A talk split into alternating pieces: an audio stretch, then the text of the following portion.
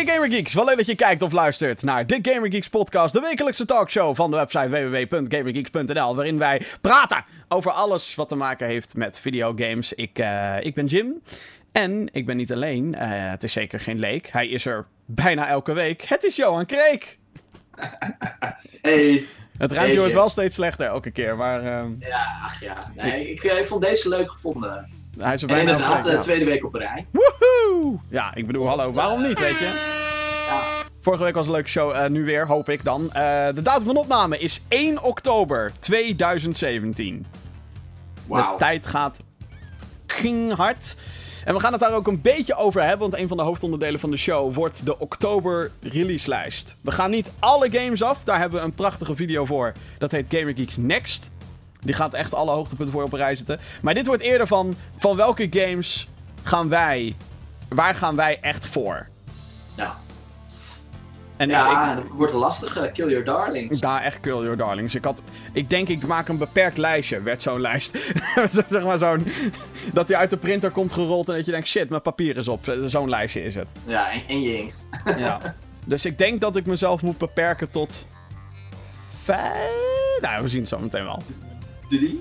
Het is in ieder geval het najaar van gaming. Er is te veel. Er is te veel. Punt. Ja. Dat is gewoon. Zelfs in september was er al te veel. In augustus was er te veel. Er zijn te veel videogames, dames en heren. Je... En dan consumeerden we niet alleen maar videogames. Dat maakt het allemaal niet veel makkelijker. Nee, precies. er zijn ook nog films en tele... Zo, nou, wat betreft televisieseries loop ik me toch op partij achter. Dat is echt heel ah, erg. hou op man, ik ook. Echt. Echt gewoon, dat, dat, hele, dat hele Westworld moet ik nog kijken. Uh, ja, dat, ja, ja, Ik hoor van iedereen, Making a Murder, moet je eigenlijk een keer zien, hoe durf je? Dat Atypical lijkt me leuk. Nou, Atypical was echt, ik vond het briljant. Ja, uh, Atypical is een Netflix-serie. Dat gaat over een autistische jongen. En Ja. die wordt dan een beetje door zijn vrienden zo gepusht van ga daten en zo, toch? Dat is een beetje de premise. Ja, ja nee, hij, hij komt zelf op het punt dat hij zoiets heeft van.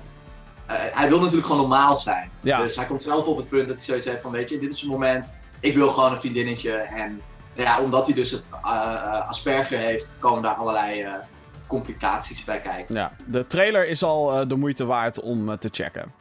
Atypical. Ja. En het tweede seizoen is bevestigd voor de liefhebber. Oh, echt? Oh, top. Ah, Ja. leuk. Dus dat vind ik altijd wel tof als er een... een, een... Althans, ik heb de, de serie zelf niet gezien, maar... Het idee van de serie vind ik al te gek. En dan, eh, nou ja... Krijgt dat het tweede seizoen. Leuk. Ehm, nou, waar we het nog meer over gaan hebben in de show... is natuurlijk het laatste nieuws. Waaronder... eh, ehm, ontslagen bij een aantal ontwikkelaars. En de PlayStation Plus en Xbox Live Games with Gold line-up zijn weer bekendgemaakt. Dus Yes. ehm, dat, eh, daar is weer veel over te discussiëren. Maar eerst, eh, Johan, wat heb jij allemaal meegemaakt de afgelopen week? Eh, even kijken. Eh, nou, eigenlijk niet zo heel veel. We Oh. hadden het net al even over Netflix. Ik ben eindelijk met het derde seizoen Narcos. Oh ja, Nar- Narcos, Ehm. ook weer zo'n ding wat ik moet gaan kijken. Ja, zeker. Er is Eh, veel! Er is nou is dat gelukkig nog niet zo heel oud. Ik was heel laat begonnen met Narcos 1 en Narcos 2. Dus ik ben er nu weer een soort bij. Eh, super toffe serie nog steeds. Het derde seizoen doet wel dingen een beetje anders dan 1 en 2. Maar als je 1 en 2 hebt gezien, dan snap je waarom dat is in 3. Ik bedenk me ook net dat Ehm. fucking Stranger Things natuurlijk ook eind deze maand uitkomt. Oktober. Oh ja, my god! Hallo- Halloween toch? Oh, 31 ja, ja, ja, ja, ja, ja, Ja. ja. Oh, zoveel zin zin in. in. Oh god. Oké, ja, sorry. Eh, maar dat is, eh, dat is wat betreft eh, Netflix. Eh, kijken, afgelopen vrijdag had ik een FIFA 18 toernooitje bij mijn oude werk. Oh. Eh, dus ik heb daar de hele avond heb ik, eh, FIFA 18 zitten spelen. Nou ja, mensen weten het inmiddels, ik speel Pro EVO. en ik merkte dus ook dat toen ik FIFA 18 aan het spelen was, dat, eh, nou, dat Pro EVO mijn game is.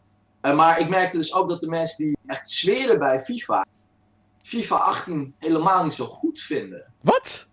Nee, nee, van oh ja, en dit, en dit is helemaal anders. En de, de snelheid is uit het spel. En de passes die komen te direct aan. En ik idee dat ik zeg maar die vrijheid niet heb om zeg maar, iets creatiefs te doen met de bal. En ik dacht dus dat is zeg maar eh, kritiek vanuit een, eh, een Pro Evo speler zoals ik. Want dat is voor mij de reden geweest dat ik dacht van ja, ik hoef geen FIFA te halen. Want Pro Evo speelt wederom voor mij lekkerder. Ja. Eh, maar dit, dat is dus een mening die, nou, met hoeveel mensen was ik daar? Een stuk of 20, 25 man. Eh, maar dat is dus een mening die wel collectief gedeeld wordt. Dus dat vond ik wel, eh, dat vond ik wel interessant. Maar wacht even, jij hebt dus gewoon een FIFA-toernooi gehouden met gewoon 20 man lokaal. Eh, ja, ja twee Dat- versus twee toernooitjes. Oh, dat is Ja. fucking vet, man. Ah, man. Ja, dat is ah, lachen. man. dat is Ja, dat is echt Dus, leuk. dat gaan we ook echt loten. Twee per zit. Teams worden ook geloot. En we hadden deze keer, omdat de teams een beetje anders waren, hadden we een...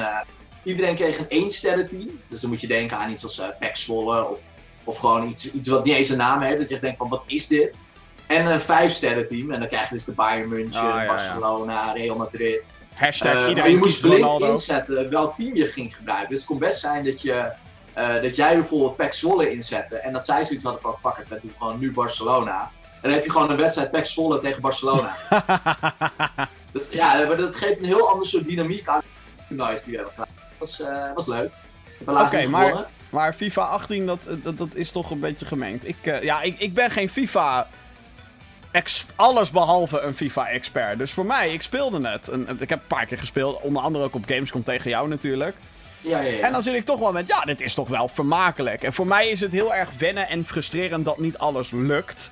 Want, ja, zo gaat het in echt voetbal natuurlijk Nee, ook, weet ja, je dat- Je kan niet altijd de bal perfect aannemen en dat soort dingen. Dus voor mij is dat altijd rennen, rennen. En dan loopt er een verdediger langs en die pakt dan gewoon die bal af. En is het van, fuck! En dat, dat je natuurlijk een geweldige voorzet hebt gegeven. En dat je dan kan schieten en dat je dan Mist. je denkt dat je op een perfect moment het rondje los... Rondje schieten, toch? Hier, daar gaan we al.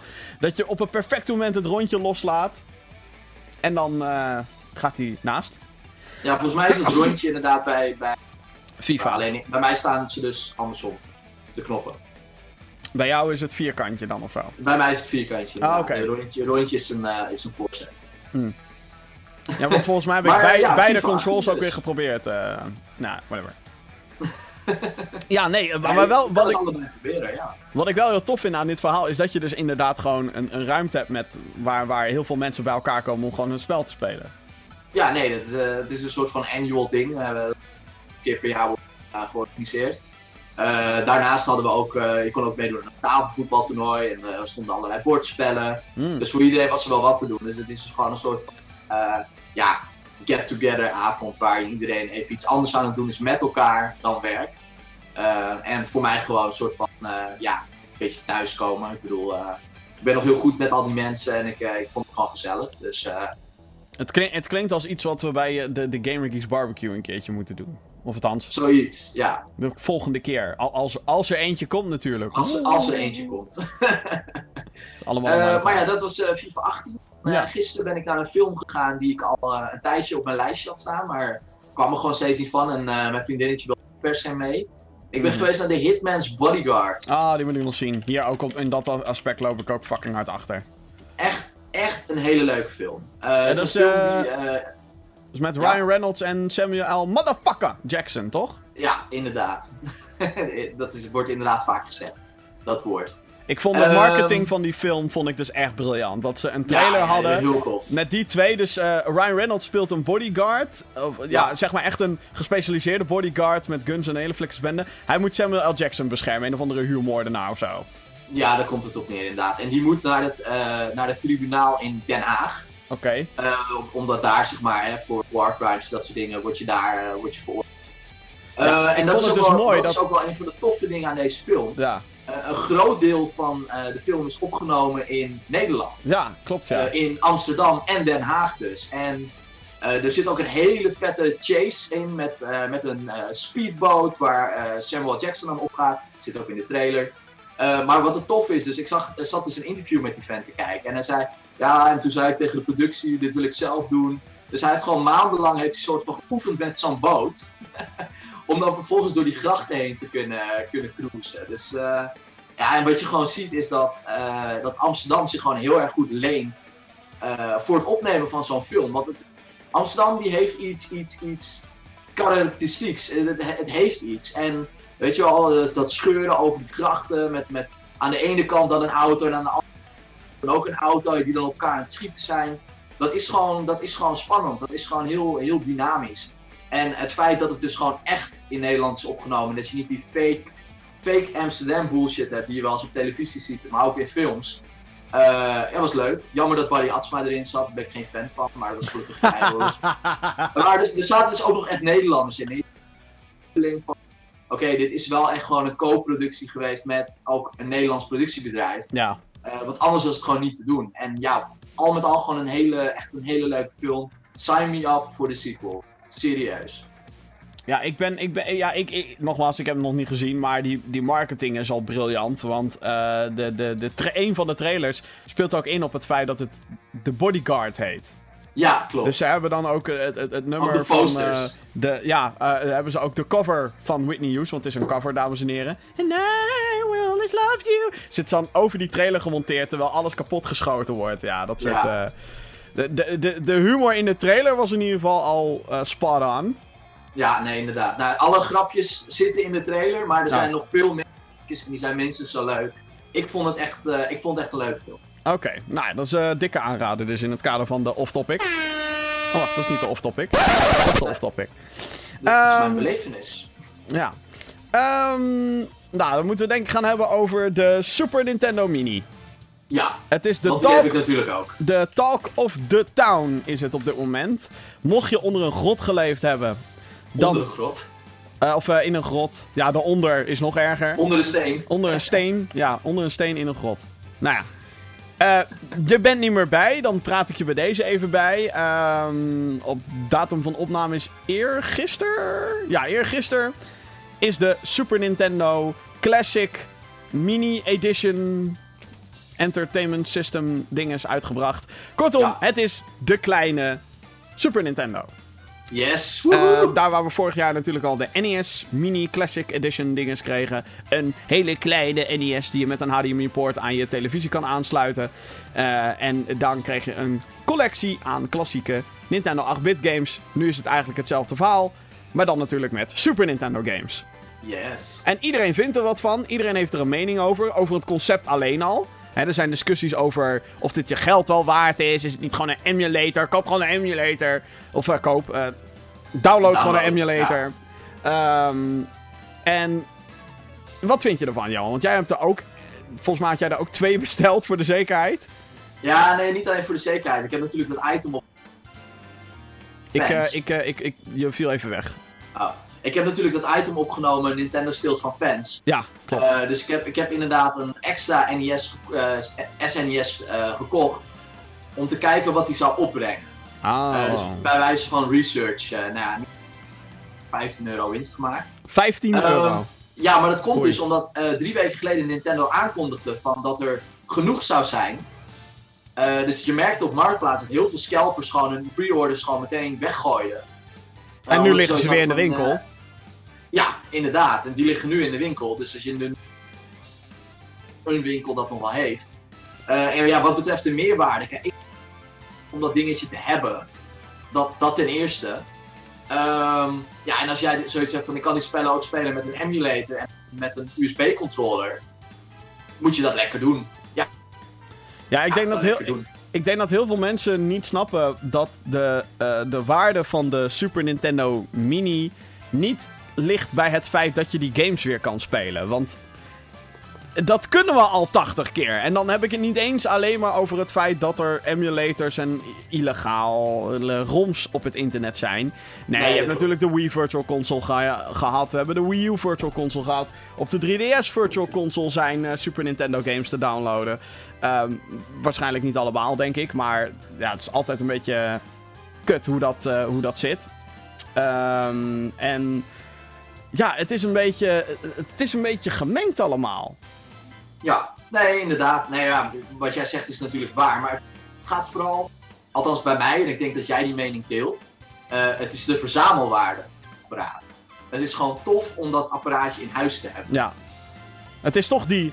Ik bedoel, eh, ook het feit dat hij zo klein is. Het heet niet voor niets de mini.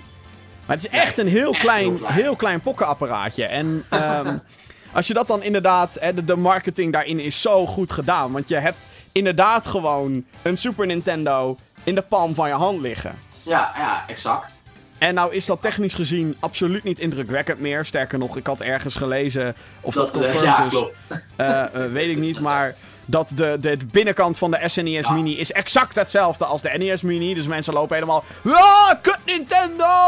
Hoe durf je? De- terwijl ik zoiets heb van... Ja, no shit. ik bedoel, hoeveel Ja. kracht kost het om een, om een Super Nintendo eh, game te emulaten? Niet heel veel. Nee, je kan het op je telefoon. Nou ja, oké. Je kon het op oudere telefoon, telefoon kon Ja. Ja. Kijk, dat je het nu kan is logisch. Het zijn nu gewoon computers, maar met die eerdere telefoons kon je ook al emulators eh Dus in die zin was de NES Mini en de Super Nintendo Mini zijn in dat opzicht natuurlijk overpowered. Maar ja, je moet als Nintendo natuurlijk ook kijken wat is het effectiefst om te produceren. Kijk, als je echt een Super Nintendo gaat namaken, dat kost fucking veel geld. Dan moet je al die chips Ja. opnieuw ontwikkelen en dat soort dingen. Ja, nee, ja, dat is niet effectief. Eh, en, en daar zit natuurlijk ook die discussie in van ja, je kan net zo goed je Super Nintendo Mini hacken en dan kan je er meer games op zetten. Ja, ja, dat kan je doen. Dat kan, Ja, ook, ook daar weer, weet je. Als je dat wil doen, moet je dat gewoon...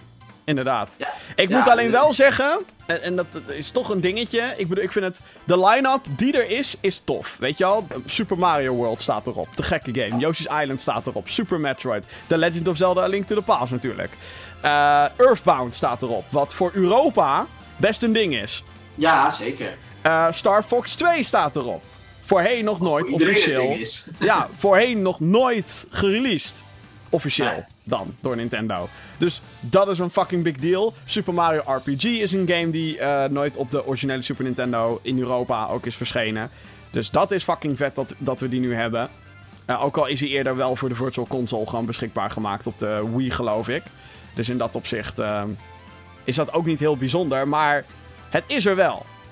Ja, Alleen, alleen moet ik wel zeggen, had er gewoon wat meer games op gedaan. Ja, Want het is wel dat ik denk.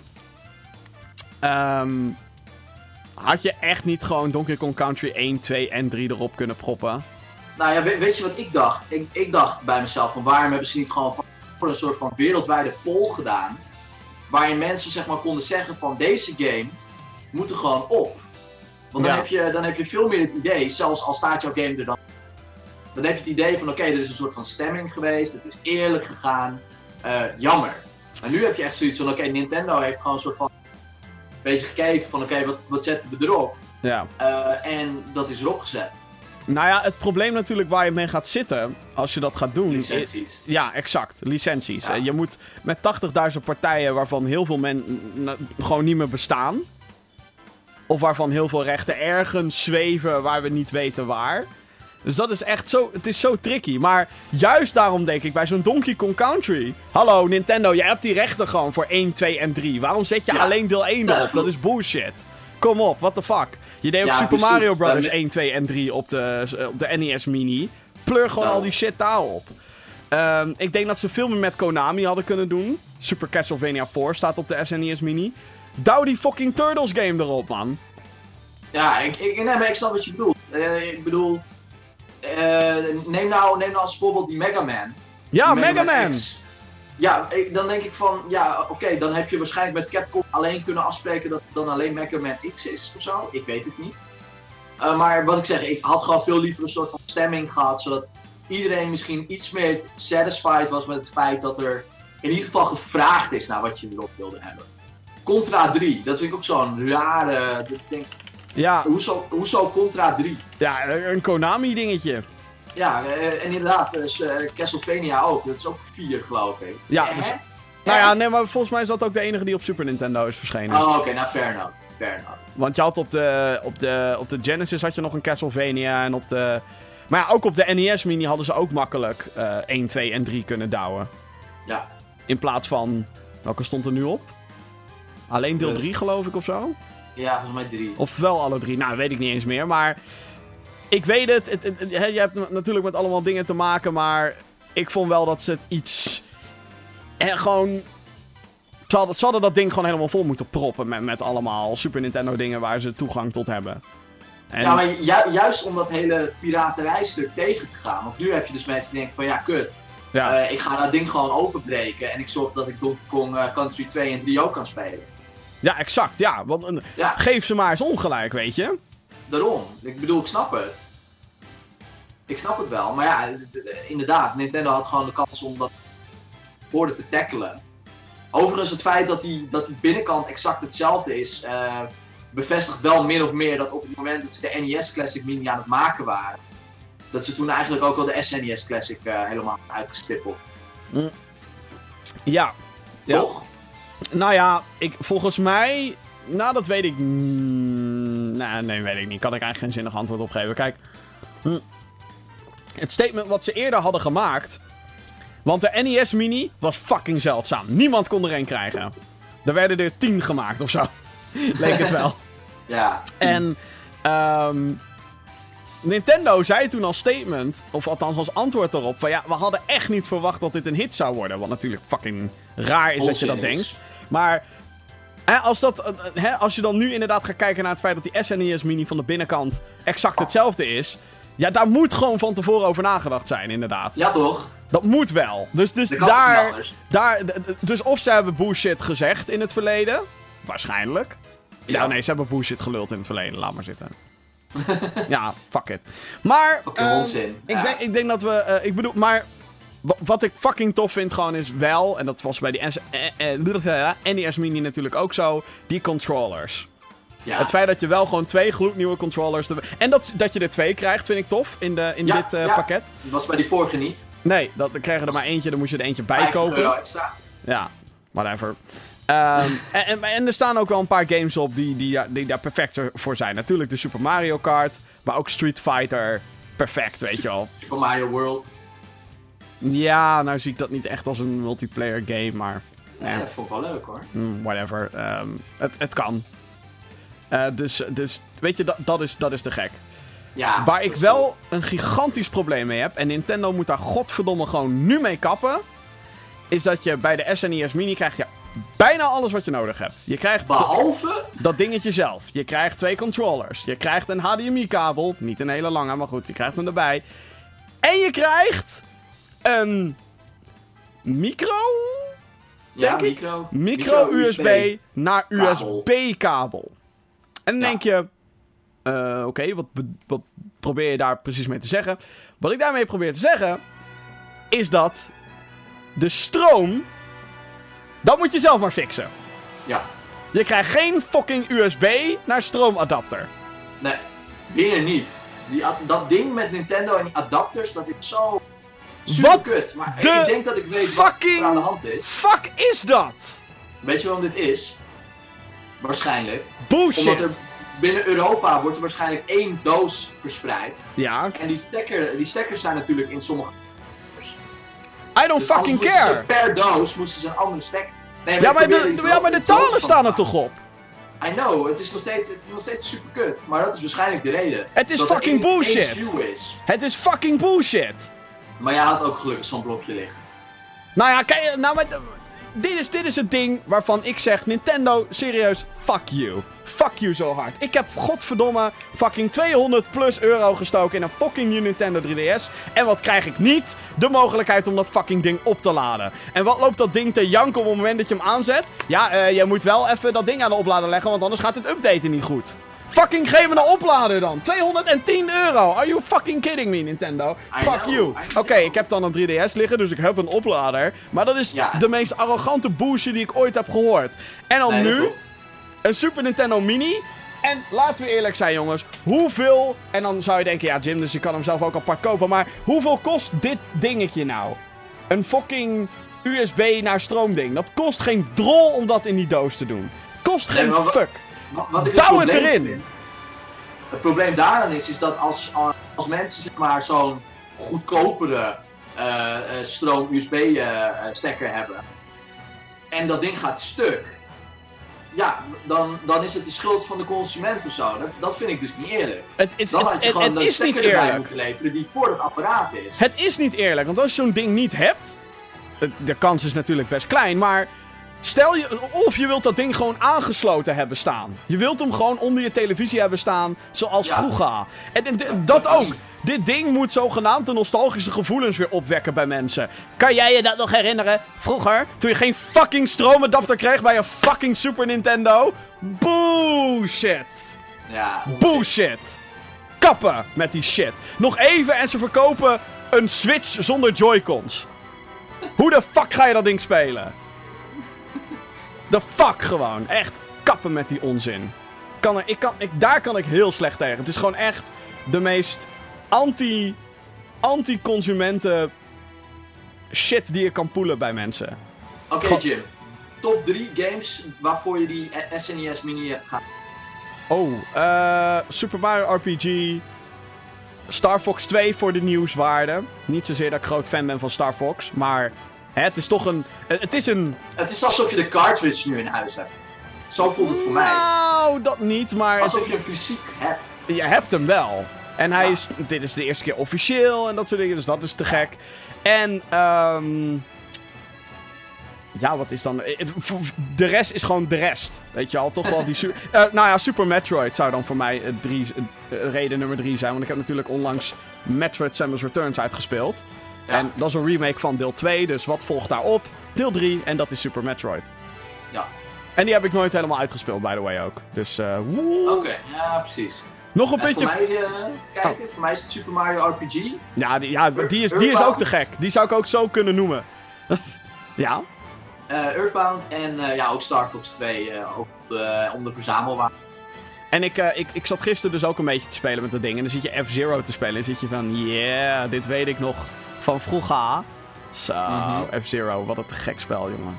Het, het is zo simplistisch. En dan denk je, hier hebben we het vroeger gewoon mee gedaan, jongens. Dit is wat wij toen te gek vonden. Ja, Het is echt eh, heel bijzonder in dat opzicht. Nog een puntje van kritiek. oh jee. De emulatie zelf van de games. Ik weet niet of jij dat ook hebt, maar ehm, ik had een paar keer bij Super Mario World, en het kan ook aan de, aan de instellingen van mijn televisie waarschijnlijk misschien wel liggen. Ja. Maar ik had af en toe bij Super Mario World had ik wat ghosting effecten. Dat zeg maar Nee, shit wazig gezien. over het scherm heen liep, terwijl ik echt zoiets had van dat was vroeger niet zo. Nee, dat heb ik niet gezien. Maar misschien nogmaals, kan, ik, dat bedenk ik me echt zojuist. Van, oh ja, dat kan ook televisiedingetjes zijn. Want die hebben natuurlijk allebei Ja, ook een, een game aantal stand. ads. Ja, exact. Dat je dat soort dingen Ja. krijgt. maar verder-. Verder prima speelbaar hoor, daar niet van. Maar eh, ja, nee, SNES Mini. Kijk, voor degenen die, die, die, die anti dit ding zijn. Wees dan lekker anti en koop het ding niet. Maar maak je er verder dan ook niet druk over. Ehm, Nee, exact. Laat, laat mensen gewoon lekker dat ding kopen, verzamelen, whatever. Is het een veredelde eh, emulator? Tuurlijk is dat het. dat. Niemand zal dat ontkennen. Maar het is juist het feit dat hij exact lijkt zoals vroeger. Dat je diezelfde controllers hebt. Dat is gewoon te gek. Mag ik dan ook nog één puntje van kritiek Tuurlijk. voordat we helemaal klaar zijn met Ja? De lengte van de controlekabel? Ja, godverdomme man. Hou op me. Jezus man, ik moet echt gewoon in die televisie gaan zitten. Gelukkig is die HDMI-kabel lang genoeg, zodat ik hem gewoon op de bank kan zetten. Maar dan denk ik van, jezus, maak het kabeltje dan even wat langer. Kom aan. Ja. Ja, het is, het is ook weer zo'n dingetje van... Ja, eh, het zou me ook niet verbazen als het dezelfde lengte is. Nee, hij is langer. Is hij langer dan de Super Nintendo originele? Ja. Want... Eh, nee, eh, langer dan de SNES, eh, de NES van vorig jaar. Ja, dat wel, maar niet heel veel langer, denk ik. Nee, Nee, ik durf, sterker nog, ik durf te wedden dat mijn, dat mijn originele Nintendo controllers langer zijn, kabels. ik zou hem erbij moeten zoeken. Maar je, je kan wel eens gelijk hebben. Hmm. Nou, ik weet, ik weet dat je gelijk hebt trouwens. Bijna zeker, want ik zat altijd veel verder van de televisie af Ja, als ik, als ik Super Nintendo speelde. het is een beetje, daar is ook weer... En ook die korte, maar dan ook de korte HDMI-kabel, weet je wel. Ja, come on, een beetje... Beetje wat Ja. gebruiksvriendelijker mag allemaal wel. En, nou, zeker als we die stroom shit meenemen. Een ander ex-. Een ander experimentje die we dan wel kunnen uitvoeren is of je de Super Nintendo Mini op een powerbank kan draaien. Ja, dat ga jij proberen, toch? Ja, nou, ik heb hier niet echt een hele sterke powerbank. Dus ik heb hier zeg echt maar zo'n zo'n dingetje. Waar je dan één Ah, keer je nee, telefoon nee, mee kan opladen. Nee, Maar- dat wordt het niet. Ja, ik weet dus niet hoeveel stroom dat dingetje nodig heeft. Het zal ook niet heel veel zijn, denk ik. Nee, maar dat, nee, dat weten we ook niet. Dat, zou, dat zal waarschijnlijk wel in die manual. Oh ja, ja. Staat er echt zo heel expliciet. Sluit niet aan op powerbank. Nou, dat, dat zou me dus niks verbazen. En het zou me dus ook niks verbazen als er een hele lap tekst gewoon staat over wat stekker je wel niet mag gebruiken. Ja. Ja, want Maar dat dat gaat boekje... niemand lezen, dus sommige mensen die meteen dat ding op doordat ze een Chinees rommeltje Mm. erin proppen. Ja, zonde. Ja, Ja, precies. heel, heel zonde. Nou, ehm ja, dan, dan moeten we het natuurlijk nog even hebben over een andere game. Een game die, ehm hoe heet het? Een game waar iedereen het ook over heeft, maar dan in een eh, andere capaciteit. Op dit moment is de, eh, op het moment van opname, is de Call of Duty World War II Open Beta online voor de PC. Hey. Volgens mij was er eerder ook een, een beta voor de consoles. Ja, Ehm, daar heb ik niet echt aan meegedaan. Ik weet niet wat het is, maar shooters op consoles. Ik was op Gamescom. Oh, dat was de reden. Oh ja. ja of het was net het weekend na Gamescom. Terwijl we helemaal eh, oh, oh, verpamperd zaten. Gewoon verpauperd. Ja, whatever. Ehm, ja, wij hebben hem gespeeld, joh. Ja, wij hebben hem gespeeld inderdaad. En eh, ik vind het leuk. Ik, eh, ik heb echt, echt dat, dat, dat Call of Duty 1 en dat Call of Duty 2 gevoel. Eh, en dat, dat waren voor mij wel, zeg maar, dat waren wel de games. Natuurlijk is Modern Warfare 4 is, eh, 4 Modern Warfare. Ehm, maar ja, ik, ik koester nog steeds warme gevoelens voor die, voor die Tweede Wereldoorlog setting. En ja, deze game gaat gewoon terug. En eh, doet dat op een manier waarop ik zoiets heb van ja, dit voel ik, dit is lekker. Met die muziek, met die wapens, met, met, dat, met dat soort van gevoel van camaraderie of zo. Dat je daar in de tyfuszooi staat. Eh, ja, en geen lasers en dat soort bla. Nee, gewoon back to basics. Ik vind het, eh, los van het feit dat ik er echt niet goed in ben, maar ik vind het heerlijk. Het speelt lekker. En ja, die setting. Thank you. Ja. Thank you. Eindelijk. Het werd tijd. Ja, nee, ik had al eh, getweet. Ik heb eh, binnen drie uur Call of Duty World War II open beta op PC eh, meer lol gehad met de franchise dan de afgelopen paar jaar. Ja. Want god, wat hebben we wat, wat shit over ons heen gekregen wat betreft die multiplayer. Ehm, voor mij is Call of Duty vaak te snel. En dat klinkt heel raar, want geen enkele game kan bijna te snel zijn. Ik bedoel, Quake vind ik bijvoorbeeld fantastisch. En die game gaat snel, jongens. Ehm, En Unreal Tournament, weet je wel, dat, ik kan daar echt wel van genieten. Maar het probleem met Call of Duty de afgelopen paar jaar voor mij is... Je gaat een kamer in, bijvoorbeeld in een level, multiplayer, team deathmatch hebben we het even over, hè, de klassieke setting. Je gaat een kamer in en er zijn 85 hoeken waar je uit kapot geschoten kan worden. Ja. En iemand hoeft jou maar een halve seconde te zien, niet eens, en je bent fucking dood. Dat klopt. Nou ga je in Call of Duty World War II ook best snel dood. Ja. Maar de manier hoe de levels gedesigned zijn. En inderdaad, wat je zegt, het is back to basics. Dus je hebt geen jetpackende Mongolen meer die aan het wallrunnen zijn. En een of ander sci-fi ultimate granaat op je, op je bakkers kan gooien van, van drie kilometer afstand. Behalve als het natuurlijk een killstreak is, ander verhaal. Maar ehm, het, het is weer. Je kan het weer een soort van behappen allemaal. En ik, ik, ik merk dat ik veel beter score in deze game nu. Dan dat ik ooit heb gedaan in al die Black Ops, Advanced Warfare, Infinite Warfare onzin. Ik kon gewoon niet de plezier eruit halen. Want ik, in Infinite Warfare ik ging rondrennen en ik was dood. En zelfs in Modern Warfare Remastered, al, hoewel ja, daar zitten natuurlijk alleen die diehards die, die, die echt te veel geld aan Activision geven. Maar ook daar merkte ik van, ja, fuck man, het is gewoon die mensen... En ook die mensen kenden al die levels natuurlijk al, daar waar ik Ja, ze tuurlijk. nog niet kende.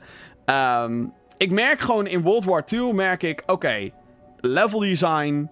Tuurlijk, er zijn wat dingen waarvan ik denk, eh, dat kan nog wel wat beter. Dat knelpuntje hier en, en eh, vooral de onzichtbare muren, daar stoor ik me aan in, in bepaalde levels. Dat het net lijkt alsof je ergens op kan klimmen, maar dat kan dan niet. Want hé, hey, dat is niet waar je naartoe kan. Dan heb ik zoiets van, baken dat dan grafisch gezien wat beter af? Ehm, Ja. Weet je al, eh, douw er dan een ingestorte muur in plaats van twee houten plankjes die in de fik staan. Maar goed. Eh, maar de level design is veel meer van: oké, hier moet je absoluut niet lopen als je wil leven. Want hier gaan snipers zitten. Hier- dit, is voor de, ja, dit is voor de shotguns en de krappe gangetjes. En hier kan je wat meer midrange gaan spelen. Ja, En- die balancing is, eh, die lijkt best inderdaad. Ja, in, in- de Team Deathmatch multiplayer maps. eh, althans. En wat ik gewoon heel fijn vind. En het is inderdaad wat jij zegt. Het is die setting weer. Het is weer dat authentieke. Ik ga weer met mijn Garand hier staan. Ehm, we hebben weer die, die, die Thompson guns. We hebben weer die, die, die, die assault rifles. Het is geen verzonnen meuk meer. Wat we hadden in Infinite Warfare. En het klinkt nu alsof ik heel erg anti-sci-fi Call of Duty ben. Dat ben ik niet. Per se. Alleen was het daar wel echt soort van onmogelijk om erin te komen als je niet heel goed bent in het spel. En dat vind ik wel heel schadelijk voor zo'n franchise. Want ik, Ja. ik, ik had ook zoiets van elk jaar probeerde ik. Nou, niet bijna, bijna elk jaar probeerde ik het weer.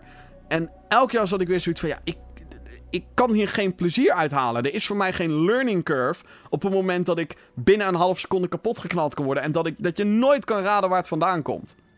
En ik heb het idee dat dat bij World War II misschien is het ook de manier hoe dingen gekleurd zijn en zo. Misschien kan ik me veel meer. Uh, hè, is het voor mij veel immersiever? Weet je, dat ik er veel meer in zit door de setting, door de wapens. Dat kan, ja, tuurlijk. En dat ik daardoor ook veel actiever ben in, oeh, wat gebeurt er? Maar het, het, het klopt voor mij nu, eindelijk weer een keer. De, de gameplay ja, klopt. Same to me. En de balans schijnt soort van te kloppen. Er zijn natuurlijk OP-wapens her en der. Er zijn wapens die fucking waardeloos zijn. Sniper rifles. Ik snap ze alleen op bepaalde punten in een level. Maar dan alsnog kan je best makkelijk geflankt worden. Als je niet oplet. Ja.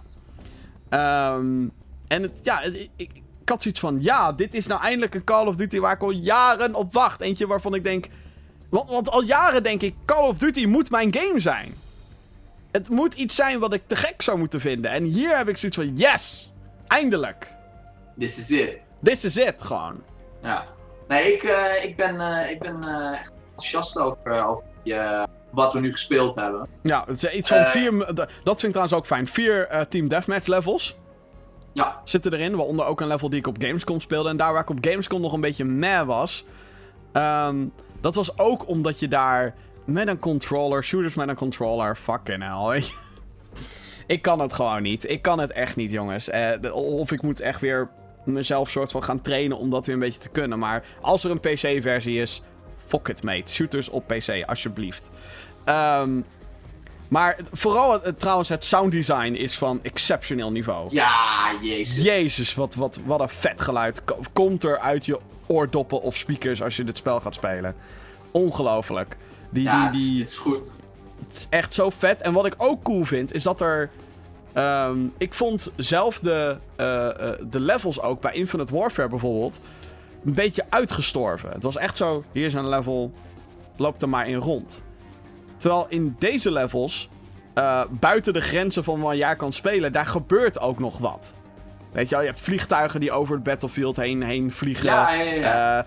Uh, je, hebt, je hebt een level aan de kust, dus dan af en toe dan wordt er zo'n schot gelost op een van die bunkers. Kan jou niet beschadigen verder, maar het is wel een tof effect. Dat je nog het idee hebt van, oh ja, er is echt een oorlog aan de gang. Ja, maar dat, dat wou ik zeggen. Het voegt inderdaad het idee van feit dat je gewoon midden in... Je valt even weg, uh, Jo. Ik zeg, dat voegt inderdaad het effect toe dat je echt in een warzone zit. Ja, exact. In plaats van dat alleen maar de spelers die erin zitten het oorlogseffect creëren. Ja, precies. Dus dat vond ik. Uh, um, ja, ik, ik, vind, ik vind het tof. Ik, ik heb zoiets van: hè, hè, hoe lang hebben we hierop moeten wachten? En. en... Heel lang. Heel lang, ja. Dat, dat zeker. Ja.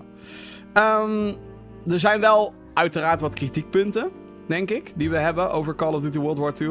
Uh, jazeker. jazeker. Um, laat ik beginnen met de graphics. Kijk, het is een beta. Dat weten we allemaal. En bla bla bla. Ze kunnen nog dingen fixen. Maar ik vind de graphics allesbehalve indrukwekkend. Zijn ze niet? Ik bedoel, de, het werkt. En hè, de models zien er op zich wel goed uit en zo. Maar het is niet dat ik denk, nou jongens. Battlefield uh, kan, kan in gaan pakken. Absoluut niet. Battlefield is drie generaties mooier dan dan deze game. Dus ik vind dat ook wel een beetje kwalijk. Dat ik zoiets heb van ja. Stap nou, uh, gewoon, stap nou een keer over naar een nieuwe engine. Dat wou ik zeggen, want het komt door die fucking engine die gewoon echt, echt verouderd is. Ja. Dus dat, dat vind ik heel vervelend. En matchmaking. Matchmaking is nog steeds scheid. Uh, fucking douw dedicated servers erin. Alsjeblieft, doe dat gewoon een keertje. Want eh, je ziet wat voor effect het heeft op Battlefield. Daar werkt het gewoon. Ja. Omdat er dedicated servers zijn voor die game op PC. En tuurlijk, je kan dan klagen over Battlefield dit en Battlefield 6 en Battlefield zo. Daar gaat deze discussie niet over.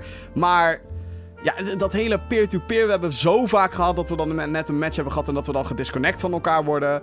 Uh, en, of dat de, de partylink tussen elkaar verbroken wordt, waardoor ik ineens tegen Johan aan het knallen ben. Wat heel raar is. Um, ik heb gisteren ook met Bobby en Jeroen zitten spelen. En is het ook ineens van, oh, ik lig eruit, jongens. Godverdomme, weet je al. En het is, het is niet heel veel werk of zo om dan even terug naar het hoofdmenu te gaan... en dan weer even met elkaar te connecten. Maar het is gewoon vervelend. Ja, het is gewoon irritant. Ik merk dat het tijdens matches ook gebeurt dat mensen gewoon weggaan... en dat er dan geen vervanging voor komt. Dus we hebben gewoon potjes gehad... Dat het 2 tegen 5 is. Ja, hoe de fuck ga je dat winnen? Nooit, weet je al. En dan denk je, ja, the fuck? Dat is het ook niet leuk meer. Nee, maar waar, waar is inderdaad de balancing van die game zelf? Die dan zegt van, hé, hey, laten we die enigszins eerlijk verdelen. Ja, kijk, als er vijf mensen in een pot zitten en er zitten in de ene twee en in de andere drie, dat snap ik. Maar als er in het andere team zeven zitten en wij met z'n drieën zijn, ja, uh, uh, snap, nee, nee, snap wat ik bedoel. Het moet Ja, gewoon gebalanced zijn. Wat ik ook niet snap trouwens, is ehm, op het moment dat je een team deathmatch instart, eerst zit je in een lobby. In zo'n lobbyscherm. Daar kan je nog, eh, als je snel bent, je loadouts en zo en, en je character aanpassen en dat soort dingen. Vervolgens gaat hij het level laden. Dat geldt dan voor iedereen. Maar niet iedereen is natuurlijk op hetzelfde punt geladen. Dat Nee. is op PC helemaal variabel natuurlijk. Omdat je te maken hebt niet alleen maar met eh, je netwerksnelheid, maar ook met hoe snel je PC is. In tegenstelling Ja. tot PlayStation en Xbox. Maar dan start dus een match vaak gewoon, terwijl anderen nog aan het inladen zijn. De match start al. Waarom kan die game gewoon niet even wachten? Oké, ik wacht nu totdat iedereen ingeladen is. En dan bam, dan gaan we. Ja, Dat het is heel shit. raar, want er, er is wel een countdown vooruit eh, aan, de, aan dat de game daadwerkelijk begint. Maar sommige mensen komen dus nog na die countdown. Ja, komen ze pas binnen. En dat is, dat is echt zo kut, want daar heb ik heel vaak momenten gehad dat ik zoiets had van... eh, waarom sta ik hier met één dude en is het enemy team al met vijf, zes? Dan moet je soort van in een hoekje gaan verschuilen of zo, wat ook geen zin heeft, want Nee. ze, ze snuffen je toch wel uit en je gaat fucking dood. En tuurlijk, het is niet alsof het fucking competitive ranked is en zo, maar het zijn van die kleine dingen dat ik denk... Come on, come on, daar, daar zijn al lang oplossingen voor. Ja, En, maar ja, die, zit, die zit hier nog niet in. Nee, precies. En ehm, wat ik ook tof vind aan de beta trouwens, is dat het dus niet alleen maar Team Deathmatch is. Er zitten ook andere modi in, zoals Kill Confirmed en Domination. Nou, dat zijn modes die we allemaal kennen. Een schijnbaar nieuwe toevoeging is War. Yay. En die hebben wij ook. Die heb ik één keer op Gamescom gespeeld. En, en toen had ik zoiets van: oké, eh, het zal wel. Ehm, maar goed, nogmaals, toen speelde ik met controller. En dat is absoluut niet mijn area of expertise. We hebben nog één potje War gedaan. En wat War is, is een objective Kut. Het is kut. Ja, het is een objective mode. Dus je hebt één team dat valt aan en het andere team moet verdedigen.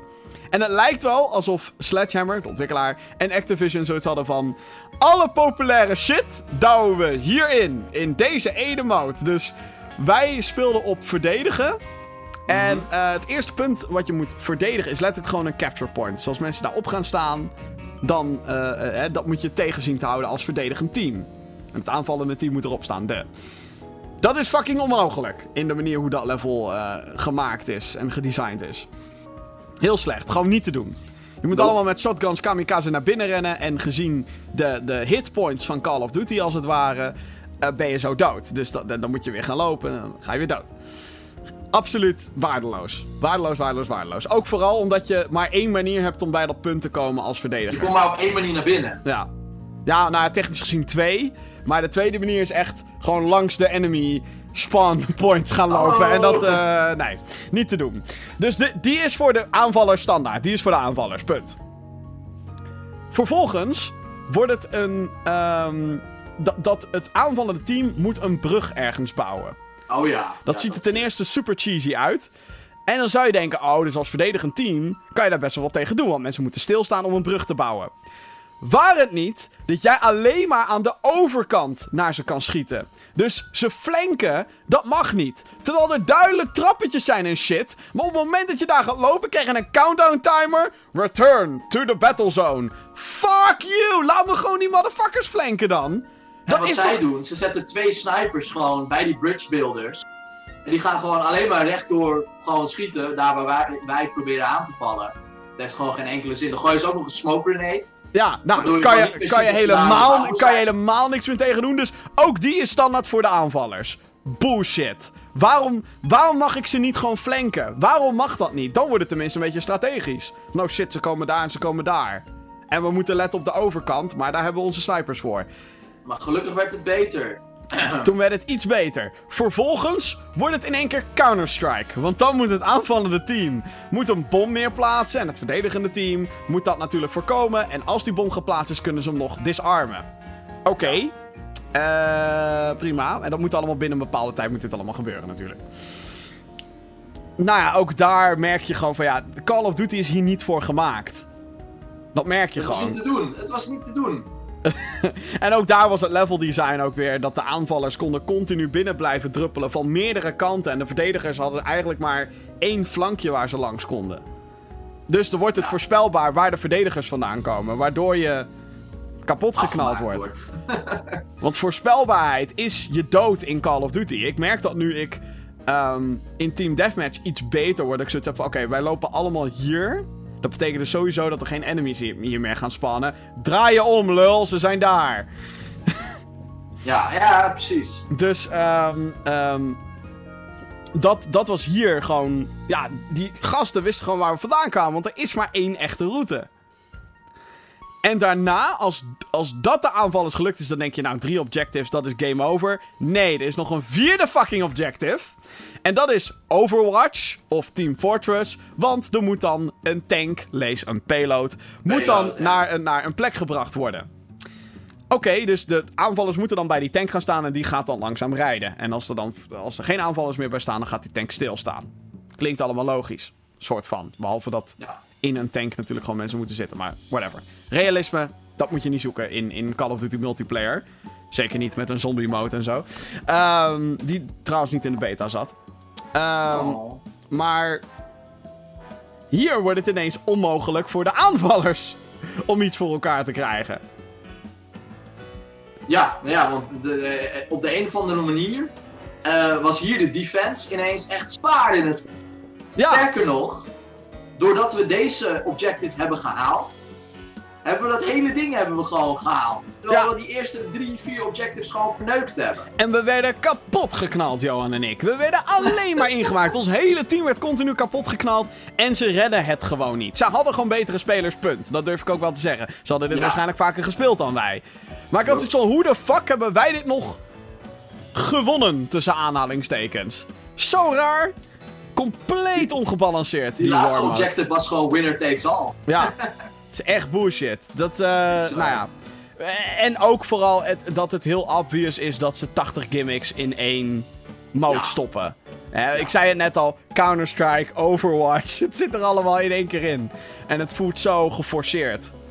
Dus eh, Nee, het dit, kan eh, natuurlijk dit ook alleen maar... work. Ja, het kan natuurlijk ook alleen maar aan deze map liggen. Maar ja, weet je. En ik vind het al verbazingwekkend. Elk jaar trouwens weer hoor. Van Call of Duty. Hoeveel shit er in zo'n game zit. Een singleplayer campaign. Een multiplayer. Een, een co-op ding. een- een Zombies meestal. Ja. En dan gaan ze nu ook nog eens zo'n war mode erin proppen. Ja, ik vind het nobel. Maar. Hè, je moet het wel goed uitwerken. Want anders krijg Ja. je wat er bij Call of Duty gebeurt. Dat Team Deathmatch, dat is goed. Hè, weet je wel, da- daar zitten mensen en de rest is uitgestorven. Want ook die zombie mode in Infinite Warfare. Ik weet nog wel dat ik het ging spelen en dat ik gewoon op PC niemand kon vinden. Letterlijk helemaal fucking niemand. Oh. Ja. Maar goed, het was ook maar één level, dus de. Tenzij je de fucking Season Pass haalt. Uiteraard. Die hier ook weer in zit. Maar, conclusie over Call of Duty World War 2 komt natuurlijk in eh 3 november aan mijn hoofd komt het uit. Ja, klopt. En ehm, ja, ik, eh, ik verheug me erop. Ik, eh, na, aanleiding van deze beta, want ik vond het weer lekker. Ik vond het echt lekker spelen. Ja, nee, ik wil dit spelen en eh, gewoon vanwege de setting naar de eh, campaign mode. Nou, die campaign ben ik ook heel benieuwd, maar ik ben benieuwd wat ze daarvoor gaan pakken. Ik denk, ik hoop weer lekker spectaculair en dat je zoiets van, oh man, EA, Ja. do it. Medal of Honor reboot, maar dan niet in de moderne tijd. Precies. Fuck dat. Gewoon normaal doen. Ja, Call of Duty World War 2, eh, ik vind het tof. Ja, ik ook. Daarvan. Gaan we snel door naar het nieuws. Eh, want er is wel echt het een en ander gebeurd. En we zijn al best wel lang bezig. Oh maar god, we lullen te veel, Johan. Oh jee. Nintendo! Oh jee, gaan we weer. We gaan weer lekker klagen. Eh, Oh god. Nintendo gaat de Wii en de Wii U eShop sluiten. Dat hebben ze bekendgemaakt deze week. 31 januari 2019 zullen de servers gaan sluiten. Wat houdt Ja. dat in? Dat is alle digitale shit, online shit van... eh, volgens mij is de gamingdienst van multiplayer is volgens mij al dicht van de Wii. Ja. Ehm, maar ja, je kan dus nog downloadable games halen op de Wii. Dat gaat dus compleet weg. Dit betekent ook, is bevestigd, dat eh, als je al iets hebt gekocht, dat je het dan ook niet meer kan downloaden vanaf 31 januari 2019. Want dan is het gewoon slush. Dit geldt Ja. voor de Wii als de Wii U. Ja, En dat is toch Ja. wel heel duidelijk Nintendo die vooral zegt... eh, ja, de Wii U was één grote faal. Shit, eh, fuck dat. Fuck haal alsjeblieft een Switch. Ja, haal alsjeblieft een Switch, want dat ding is eh, straks gewoon helemaal dood. Ehm, is het al eigenlijk een beetje, maar... Je kan nu natuurlijk nog die Virtual Console shit kan je nog downloaden en zo. En ja, Ja, ik heb ook zoiets van kut. Dan moet ik wel mezelf helpen herinneren dat ik voor die tijd nog mijn Wii even aansluit... om te kijken of ik inderdaad al mijn games erop gedownload heb staan. Want dat zou toch wel een partijzonde zijn als je die dingen ooit hebt gekocht en ze staan niet meer op je console. anders is het gewoon weg. En dat was natuurlijk ook de manier hoe dat werkte. Kijk, nu zijn we natuurlijk gewend ehm, dat je een account hebt. Je koopt iets en dan staat het geregistreerd op je account. Dat zijn we nu gewend. Ja. Dat was toen met de Wii helemaal niet meer zo. Of niet meer, Nee, dat was toen niet zo. Nee, klopt. Dus als je Wii stuk ging, had je pech. Kon je alles opnieuw gaan downloaden en kopen. Ja. ja, bizar hè, als je erover nadenkt. Ja, nou ja, wat ik vooral bizar vind, is dat hierdoor games letterlijk verloren gaan. Ik, eh, heb, Ja. ik heb bijvoorbeeld op mijn Wii heb ik staan Castlevania Adventure Rebirth, als ik het goed zeg. Dat is een Mhm. remake van een Castlevania Game Boy game, die toen op WiiWare uitkwam, zo heette dat toen. Oh ja, ja, ja. Maar dat is straks gewoon gone, want die versie, het is nooit opnieuw uitgebracht. Nee. Dus hoe de Alleen- fuck ga je het dan ooit spelen? digitaal. Alleen digitaal op de Wii. De originele Wii. En dan waarschijnlijk ook op de Wii U, waar je ook die shit volgens mij kan kopen en downloaden als, een- als. Wii-emulatie. Dus ja, ik, ik vind het nogal wat. Het is de ik denk een van de eerste grote services waarbij je shit gewoon gone is als je het niet downloadt. Een beetje vergelijkbaar met PT, die demo op PlayStation. Ja. het is gone, jongens. Als je het niet hebt op je PlayStation, pech. Ik heb hem nog staan op mijn PS4. OW, als die ooit komt te overlijden, dan ga ik janken. Never forget, jongens. Een van de beste horror games ooit gemaakt. Het was een fucking technical demo voor Silent Hill. God damn it. Konami. Fuck you. We hebben het net al over de SNES Mini Hype gehad. En eh, andere bedrijven die spelen maar, daar maar al te graag op in. Zo ook Koch Media. Of all partijen. Nee, En die komen namelijk met een Commodore 64 Mini. Ehm, de Commodore 64 is eh, een, een oude computer uit de jaren 80. Als je het googelt, dan krijg je zo'n dik toetsenbord eh, te zien. Ehm, ik weet dat een vriend van me, die had er ooit eentje. Speelden we toen nog wel wat spelletjes op. Eh, Mhm. En daar komt dus ook een mini-versie van uit die je met USB, of wat zeg ik, met HDMI kan aansluiten op je televisie.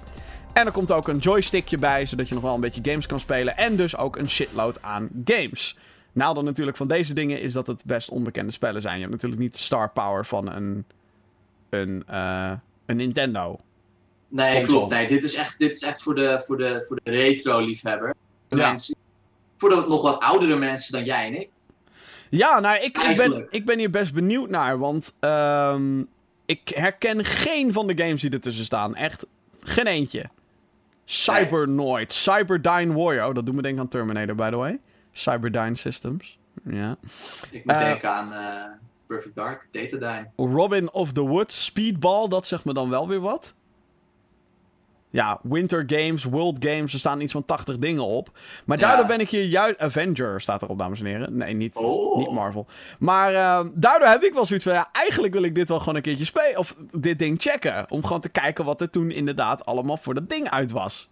Echt een Ja, soort nee, tuurlijk, ontdekkingsreis. tuurlijk. Maar ja, echt, eh, ik denk niet dat... Het zal sowieso natuurlijk niet zo'n groot succes worden als de Nintendo dingen. Onmogelijk. Tenzij Sony met een PlayStation Mini komt. Oh my god. Doe het! Do it. Do it. Execute Order 66. Eh, maar maar eh, eh, 80 euro, Jim? ja, 80 euro begin 2018 komt hij uit. Aankopen? Ik denk het wel. Ja, ja. Oké. ik ben wel heel erg benieuwd. Ja, nee, ja, ik ben echt benieuwd hoe dat, hoe dat gaat werken en wat voor games er toen inderdaad waren. Ik, ik ben gewoon heel erg geïnteresseerd in videogame geschiedenis. Mhm. En daar is dit zeker wel een onderdeel van. Eh alhoewel het natuurlijk een hoek is waar niet de meeste mensen zoeken. De meeste Nee. mensen, eh, heel veel mensen gaan alleen maar uit van een console geschiedenis.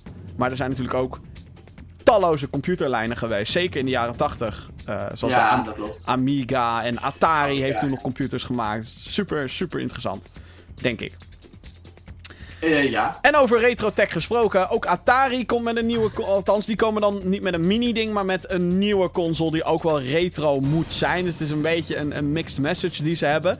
Het gaat heten de Atari Box, verschijnt volgend jaar. 300 dollar gaat het kosten, dus waarschijnlijk van 300 euro bij ons. En het wordt een console die een beetje de retro shit mengt met modern. Dus ze gaan oude Atari games erop doen. Het ziet er ook een beetje uit als een soort moderne versie van een oude Atari console. Ja, Een soort Tron-versie eigenlijk van de Atari 2600. Eh, maar ze gaan ook nieuwe games erop proppen. Ja, vooral dat laatste stuk, daar ben ik heel benieuwd naar. Want eh, ja, weet je, Atari heeft sowieso gewoon niet zo heel veel meer. Eh, dus ik ben benieuwd wat hun wat strategie is om zeg maar ten eerste dit ding de wereld in te slingeren. Het wordt trouwens een Kickstarter, hè? Van, eh, Ja, in die- Niet van, van Kickstarter, maar Indiegogo. Ja, precies. Ja, een crowdfund-campagne moet, komt Ja. er eerst aan vooraf. Om toch een beetje te peilen, denk ik, voor de investors van... Goh, is dit iets? Is dit, is dit de moeite? Nou, ik, ik, eh, ik moet het zien. Ik ben, eh, ik ben echt benieuwd naar de strategie achter het ding. En wat moeten dan die nieuwe games zijn? Want Ik denk dat de nieuwe Atari games... maakt geen nieuwe games. Ik denk dat de nieuwe games toch wel eh, een beetje... ehm, zeg maar van die mid-range en indie games zijn... die we al hebben op 80 andere platforms. En ja, heb ik daar het, ben ik dus ook bang voor. En dan heeft het nul meerwaarde. Het, heeft, Zeker het, gaat, het, gaat, het gaat geen meerwaarde hebben. Want je hebt, al, je hebt Steam, je hebt een fucking Steam Link. Dat soort dingen. Je hebt eh Utomic, heb je die servers bijvoorbeeld ook. Ja, ja, ja. Je hebt eh, eh, nou, de PlayStation, de Xbox, de. ehm, en dan heb je allerlei andere streaming services en gaming services ook nog. En als Atari niet goed weet te pinpointen waarom dit ding zijn waarde heeft, dan wordt het gewoon een Ouya. Ehm, Want Ouya was, had of een oei oei. ja, want een Ouya had ook een, een mooi idee. Van, hé, hey, we hebben een kleine console en iedereen kan erin. En het wordt fantastisch, want je kan gewoon allerlei games spelen. Het is voor de indies, het is voor de kleine. Maar ja, wat deden ze vervolgens? Gewoon een soort mobiel Android systeem erop douwen. En dat had als gevolg dat er maar heel weinig spelletjes op waren. Ook direct gepoord vanaf de mobiel. Ja, ja het, wa- het was inderdaad gewoon een soort veredelde console van Android. Ja. Waar je Android games op kon spelen. Ja, joepie.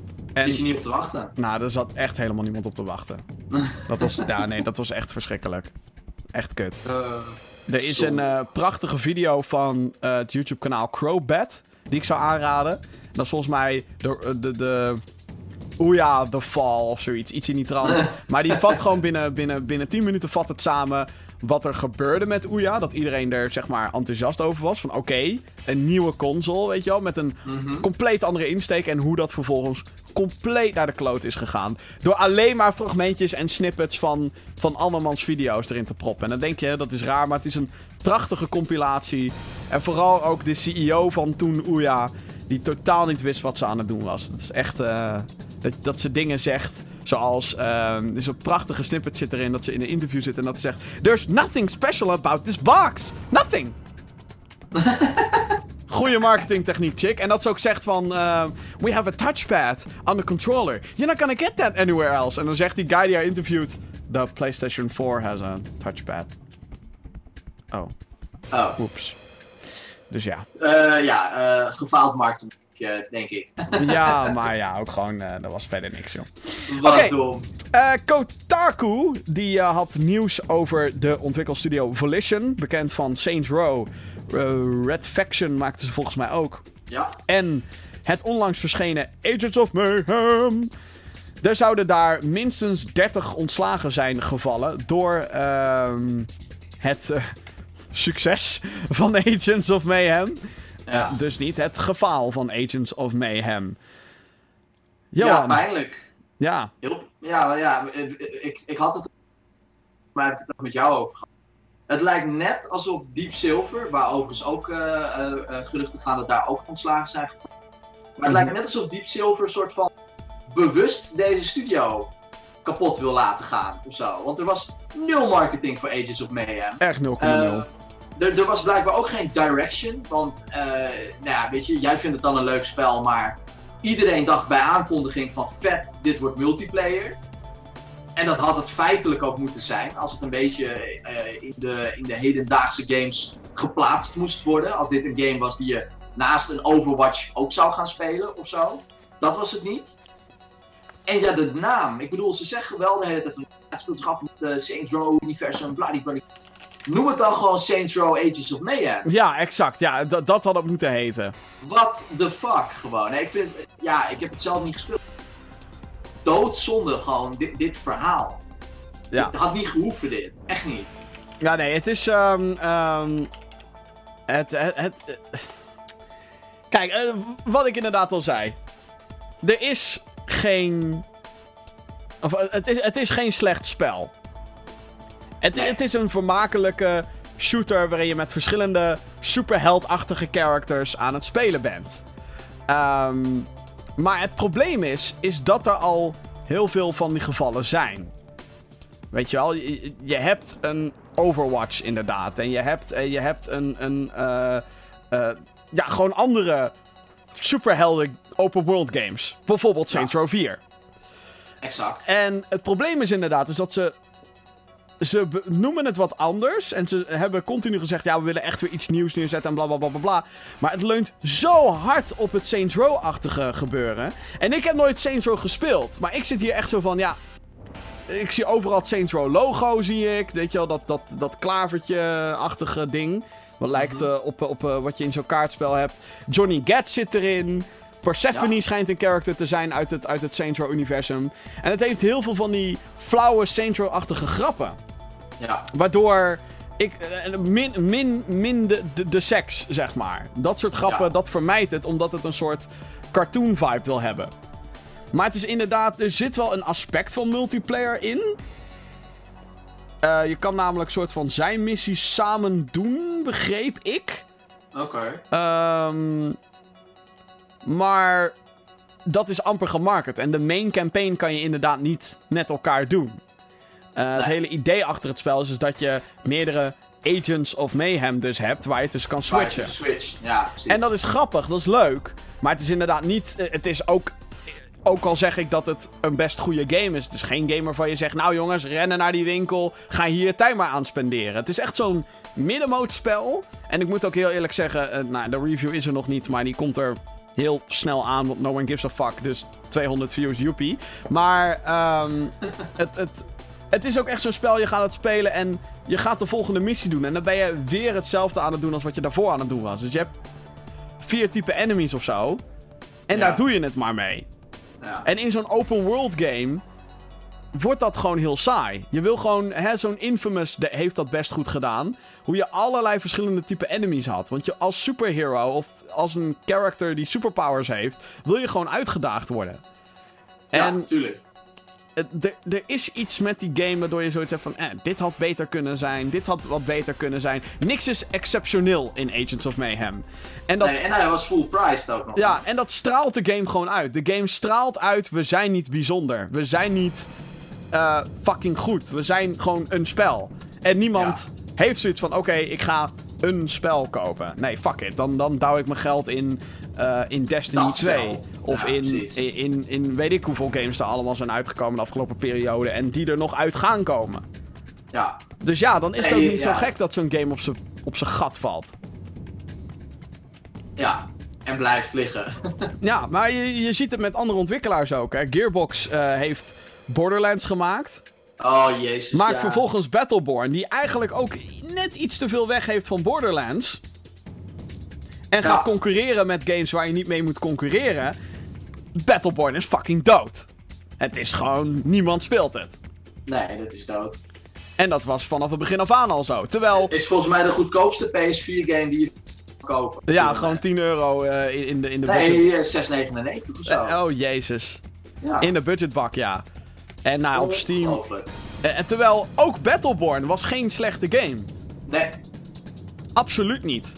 Het had wel wat werk nodig, moet ik erbij zeggen, toen ik het speelde toen het net uit was. Maar. Ik, en en van, van Battleborn vind ik het nog echt heel zonde dat dat zo hard geflopt is. Weet je, je hoeft niet de grootste playerbase ooit te hebben. Je hoeft geen PUBG-getallen te behalen om succesvol te zijn.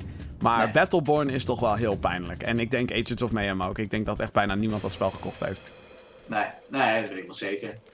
Eh, wat ik wel daarbij wil zeggen is, als je Agents of Mayhem in een dikke vette sale ziet liggen, is het geen slechte keus. Maar goed, dat. Het is gewoon zonde. Over ontslagen gesproken, dat is ook aan de gang bij de Chinese Room. Dat is de ontwikkelaar van onder andere Dear Esther en Everybody's Gone to the Rapture. Zij sluiten ook tijdelijk de deuren.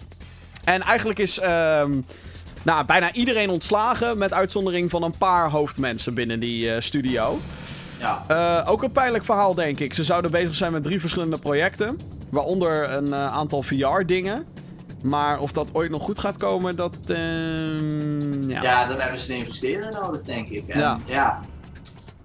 Moeilijk. Het is heel moeilijk. Het, probleem met, ik, eh, ik denk niet dat we ze nog terugzien. het probleem met de Chinese Room is dat ze heel erg vocaal zijn geweest over bepaalde politieke kwesties. En alhoewel dat af en toe natuurlijk goed is om eh, dat te doen, ehm, ga je natuurlijk ook een bepaalde kant kiezen.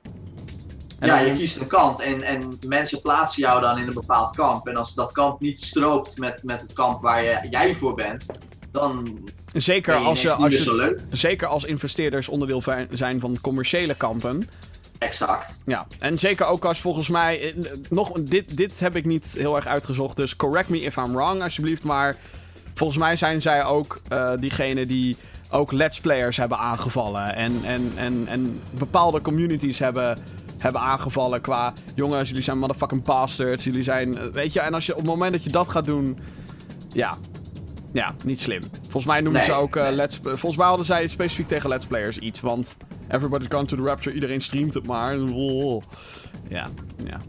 Ja, Ja. ja, ja, ja, jammer. Maar hè, als, je, als je zelf je graf graaft, ja, dan is het niet zo gek. Nee, precies. Ehm, ik ben nog helemaal vergeten dit op te schrijven. Maar er is een update omtrent Shadow of War. Middle-earth Shadow of War. De Lord of the Rings game. Het lijkt alsof Warner Brothers een beetje aan damage control aan het doen is. Want die game heeft kut PR Ja. gehad, jongen, de afgelopen tijd. Eh, gezeik met lootboxes. Gezeik met ehm, dat het altijd... DLC. ja, DLC, dat het online had moeten zijn. Ja, Nou, er was een fucking pijnlijk interview met Eurogamer, geloof ik. Eh, die, de, die de hoofdontwikkel guy had gemaakt met... Ja, eh, ze proberen echt die lootboxes te verdedigen. Wat een bullshit. Marketing bullshit. Ehm, daarin werd wel gezegd dat het, dus niet, dat het dus niet verplicht is om online te zijn om Shadow of War te spelen. klopt. Dus dat is uit de weg geholpen. En dan nog een andere kwestie. Eh, Warner Brothers had namelijk DLC aangekondigd voor de game. En dat was een eerbetoon aan een overleden ontwikkelaar. En daar was gezeik mee, want had, eh, er is dus een character in de game die eh, redt af en toe jouw personage. Als dat nodig is. En dat was DLC voor 5 dollar. Euro. En Ja. daarin werd gezegd dat de, eh, de, de 3,50 van, de, van het aankoopbedrag gaat direct naar de familie of naar, hè, om die familie te supporten, et cetera, et cetera. Dit was niet waar, want in de kleine lettertjes van diezelfde trailer stond van, oh ja, dat is maar in 40 staten en alles buiten eh, Amerika is het sowieso niet. Waardoor iedereen natuurlijk zoiets had van, what the fuck, eh, Warner Brothers maakt winst op, letterlijk over het graf van iemand die voor ze gewerkt heeft. Wat Ja. natuurlijk fucking eh, bullshit is. Nou, er was heel veel controverse over. Eh, Warner Brothers heeft dat eigenlijk gewoon heel slecht gecommuniceerd ook. Ze Ehm, hebben ze zelf ook gezegd. inderdaad. Ja, en ehm, nu hebben ze dat het teruggedraaid. De DLC wordt gratis. Zit dus gewoon in de game. En ehm, Warner Brothers wil vooral. eh, die gaat zelf de familie eh, ondersteunen als het ware. En ze roepen vooral op om te gaan doneren aan Ja, eh, kankerstichtingen en ehm, de familie ook. Wat ze natuurlijk vanaf het begin af aan hadden moeten doen, dit. Ja, ja, het is inderdaad hele ongelukkige geweest. Ik heb dat stuk nog even door zitten lezen, want het ging ook bepaalde legal lines en dat soort dingen. Eh, in die andere staten, eh, daar wa- waren weer andere regels omtrent donaties. Wat natuurlijk En- ook zo is, daar niet van. Maar Wat, alsnog... wat echt waar is, inderdaad. Maar ze hebben het gewoon ze hebben het zo ongelukkig dom gecommuniceerd. Ja, Ja, en hè, dit is het internet. Als je dat soort dingen. En het, we zijn gamers. En als, wij, als er iets is wat een gamer is, dan is het wel eh, nitpicky. Mhm. Eh, weet je, als wij iets zien, dan, dan, dan kunnen we daar echt opduiken en het gewoon opvreten. En dat is hier ook gebeurd. ja, precies. Ja, dat is echt eh, zwaar kloot hoe ze dat hebben gedaan. En Ja. ze zijn daar sowieso heel slecht in. bedoel, eh, Warner Brothers, heel veel mensen lopen altijd... Oh, EA is kut en Ubisoft is kut en de rest, dat vinden we allemaal geweldig. Nou, Warner Brothers kan er ook wat van hoor, jongens. Oh ja, en Activision is kut. De grootste jongens zijn altijd kut. En Burger King is kut. En Burger King is kut. En McDonald's is kut. En eh, de overheid is kut. Oh. En, eh, oh, Ik rustig. moet gaan. Ik moet gaan. Vorige week hadden Ja. wij het over een aankondiging van een aankondiging omtrent Red Dead Redemption 2. Er werden hele fucking streams georganiseerd met voorbeschouwingen, na-analyses. Red Dead Redemption 2, het wordt het beste aller tijden, mensen. Wat was het? Het was een fucking trailer. Ja, we hebben gezien, drie- 3,5 minuut trailer of zo. Ja. Geen eens gameplay per se. Nee, eh, ja, Red Dead Redemption 2 is een cowboy game, open world cowboy game. Het wordt een prequel, is nu officieel bevestigd. Je speelt als een ander personage, ehm, die kennelijk ook in de eerste game zat. Geen idee, jongens. Eh, en ehm, ja, waarschijnlijk online componenten erin, maar we hebben geen gameplay gezien. Lente 2018 met dikke reet. Dat wordt minstens eind 2018 voor de P- PS4 en Xbox One. Waar de fuck is die PC-versie? Daar gaan ze natuurlijk extra lang mee wachten. zodat we hem allemaal eerst voor console gaan kopen en daarna voor PC. Johan, is Red Dead Redemption 2 overhyped? Ja, maar ik zei dat ook tegen iemand anders. Ik zei, weet je, Star heeft een eh, bereid. Mhm. Eh, als zij een scheet laten, dan wordt daarover getweet. En dan hebben zij een bereik van miljoenen. Ja. En het, het maakt echt niet uit wat ze aankomt. Alleen Noir werd ook gewoon echt bejubeld. Dat ik echt zoiets had. Die game was helemaal niet zo goed. Helemaal niet. En dan nu komt hij naar de PS4, de Xbox One en de Nintendo Switch. En Rockstar ondersteunt Nintendo Switch volledig of zo. Dan denk ik van, wat lul je nou? Het is een port. Rot Ja. op. Nou, ik vind, wel, ik, vind, ik vind wel dat Bethesda bijvoorbeeld, die gaat wel voor Switch nu. Ja, Met die gaat wel voor de Switch. En Wolfenstein 2 en eh, eh, Elder Scrolls natuurlijk, alhoewel dat maar een poort is van een hele oude game. En dat is Ja. voor L.A. Noir ook het geval. Het is, het, tuurlijk, er is altijd wel eh, eh, ontwikkeling nodig als je een game van het ene platform naar het andere gaat brengen. Maar ja, het is niet heel veel moeite. Kijk, voor Doom op de Switch, Ja, daar moet je wel echt even kijken hoe de fuck gaan we dat draaiende krijgen op dat ding. hoe gaan we dat doen? ik vond hem heel leuk. Ehm, ik vond hem echt heel leuk. En ja, Wolfenstein 2 naar de Switch. What the fuck? Hoe de fuck komt pas in 2018 daar niet van? Maar hè? Ja, nee, inderdaad. Nee, eh, Bethesda, Bethesda steunt de Switch. Dat, dat, daar ben ik het mee eens. Maar Rockstar vind ik... Ja. En die trailer voor Red Dead Redemption, ja, mooi. Ja. Ja, het, het, het, ziet er mooi, zo, niet zo bijzonder. het ziet er mooi uit. Maar ja, what the fuck? Weet je, ik wil zien hoe het speelt. Ik wil zien wat je kan doen. En Het is gewoon niet zo bijzonder. nee, het is... eh, nou ja, ik vind het wel bijzonder in, in, in het punt dat ik Red Dead Redemption 1... Ik heb het niet heel veel gespeeld toen. Maar van wat ik me kan herinneren, vond ik het echt te gek. Het was echt, het was echt de fantasie van een cowboytje spelen. In digitale vorm. Ja, precies. Ik heb niet zoveel met Western. Dus ik heb eh, Red Dead Redemption nooit gespeeld. Alleen dat vind ik dus nogmaals zo raar. Dat ze dan ook niet zeggen: hé hey jongens. Hier is Red Dead Redemption remastered voor de PS4, Xbox One en de PC. Laat mij 40 euro neerleggen voor zo'n remaster. Fuck. Ja. Het is echt zo raar dat ze dat nog niet hebben gedaan. Ik weet wel Snap dat eh, eh, de Xbox 360 versie is wel backwards compatible op Xbox One. Dus daar zou Oh, je dan, wel... dan, ga ik, dan ga ik Xbox One halen. Ja, grappenmaker. Ik heb toevallig nog een Xbox 360 staan, dus misschien is dat dan wel de enige manier om het nog te spelen. Maar ik vind, ik vind dat zo raar. Het is gewoon free money voor Rockstar. Gewoon hier. Breng die shit opnieuw uit voor deze generatie en de PC. Want op PC is hij ook nog nooit geweest. Hoppakee, free money, motherfuckers. Ja, En do- doe dat in plaats van L.A. Noir. Wie de fuck zit er te wachten op L.A. Noir? niemand. The fuck? Ik zou, ik zou, ja, is- Zeker niet, de, zeker niet de Switch owner. Nee. Nou ja, ik denk dat de Switch-owner überhaupt blij is dat er een volwassen spel naar, de, naar het platform komt. Ja, überhaupt een game. Want nou, de line-up is... Ik bedoel, Nintendo doet zijn uiterste best, daar niet van. Maar je hebt natuurlijk meer nodig dan alleen maar dat. Die hebben gewoon die, die third parties nodig. Ja. Die zijn er gelukkig. Ja. Nou. Dan, schokkend nieuws, Jim. Schokkend nieuws over een Godverdomme. Super Nintendo game. Ehm, dus het schijnt namelijk bevestigd te zijn dat Mario Yoshi slaat. ja. Nee, het is bevestigd. Door een of andere ontwikkelaar of zo. Van, originele game. Ja, ehm, wat is er namelijk aan de hand? We kennen allemaal wel dat als Mario op Yoshi zit in Super Mario World. eh, en als, als je dan op B.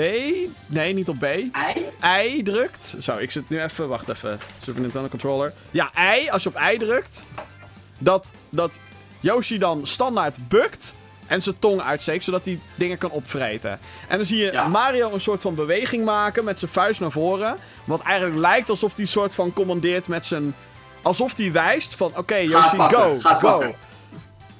Wat schijnt nou het geval te zijn? Dat wat hij daadwerkelijk doet, is dat hij Yoshi op zijn kop slaat van achter. Waardoor hij dus inderdaad die schokbeweging maakt en zijn tong uitsteekt. wat, wat, wat het nog schokkender maakt, is dus de reden dat het zo is. Dat, dat Yoshi ooit een paard. eh, Ja. Helemaal in de beginfase van ontwikkeling. En eh, blijkbaar is het dus wel oké om een paard voor te slaan. Ja, want Yoshi heeft ook... Want, en, en dat zie je terug in het design, want Yoshi heeft een zadel. Wat heel Ja, raar is eigenlijk. klopt. Ja, Dus ja. Het, het is zo... Nou bij deze is je jeugd verpest. Ik, ik moet ook heel eerlijk bekennen, toen ik gisteren de Su- Super Mario World aan het spelen Ja. was op mijn SNES Classic Mini, zat ik echt zo te kijken met... Oh, verrek. Ik sla nu Yoshi op zijn bakkers. En vaak ook. Ja, heel vaak. En dan, eh, ja, nou ja, als, als je dat moet doen om, die, om dat beest te voeren, ja, prima. Ja, je, doet wat je moet, hè? Maar ik vind het ook zo raar, want je, je, je gaat langs al die kastelen en dan bevrijd je een ei. En dan krijg je zo, thank you. Dat ei hobbelt dan rond. nou, dat is toch erg. En dan doet Ja, ik, ik vond het een leuk, ik, leuk Ik vind het ook gewoon traumatiserend, want dan ga je naar het vervolg, wat eigenlijk een prequel is, Yoshi's Island. En dan doet Yoshi helemaal zijn best om baby Mario te bevrijden. Wordt hij volwassen, gaat hij hem alleen maar slaan. What the fuck, man. Dank. Echt, joh, die loodgieter. Jezus, wat erg. Ex-loodgieter. Ja. Oh ja, ex-loodgieter, ja. Ja, moet je nagaan. Ik weet het ook allemaal niet meer, jongens. En dan eh, nog als... eh, oh, nee, nee, helemaal nog niet als laatste nieuwtje. Maar eh, Blizzard. Blizzard Entertainment. De makers van World of Warcraft, Diablo, StarCraft, Heroes of the Storm. Hero of the Storm! Daar gaan we het niet verder over hebben voordat we weer helemaal gaan afdwalen. Maar die zijn bezig met een nieuwe game. En dat schijnt te zijn een mobile MMO-RTS. Ja. Waardoor de What geruchtenmolens natuurlijk gaan draaien. BlizzCon komt eraan. Dat is de, de, het Blizzard-evenement waar vooral heel veel Blizzard-fanboys naartoe gaan in Amerika. Om daar onder andere de e-sports events eh, mee te maken. Ik heb ook wel weer zin in om dat te gaan zitten kijken.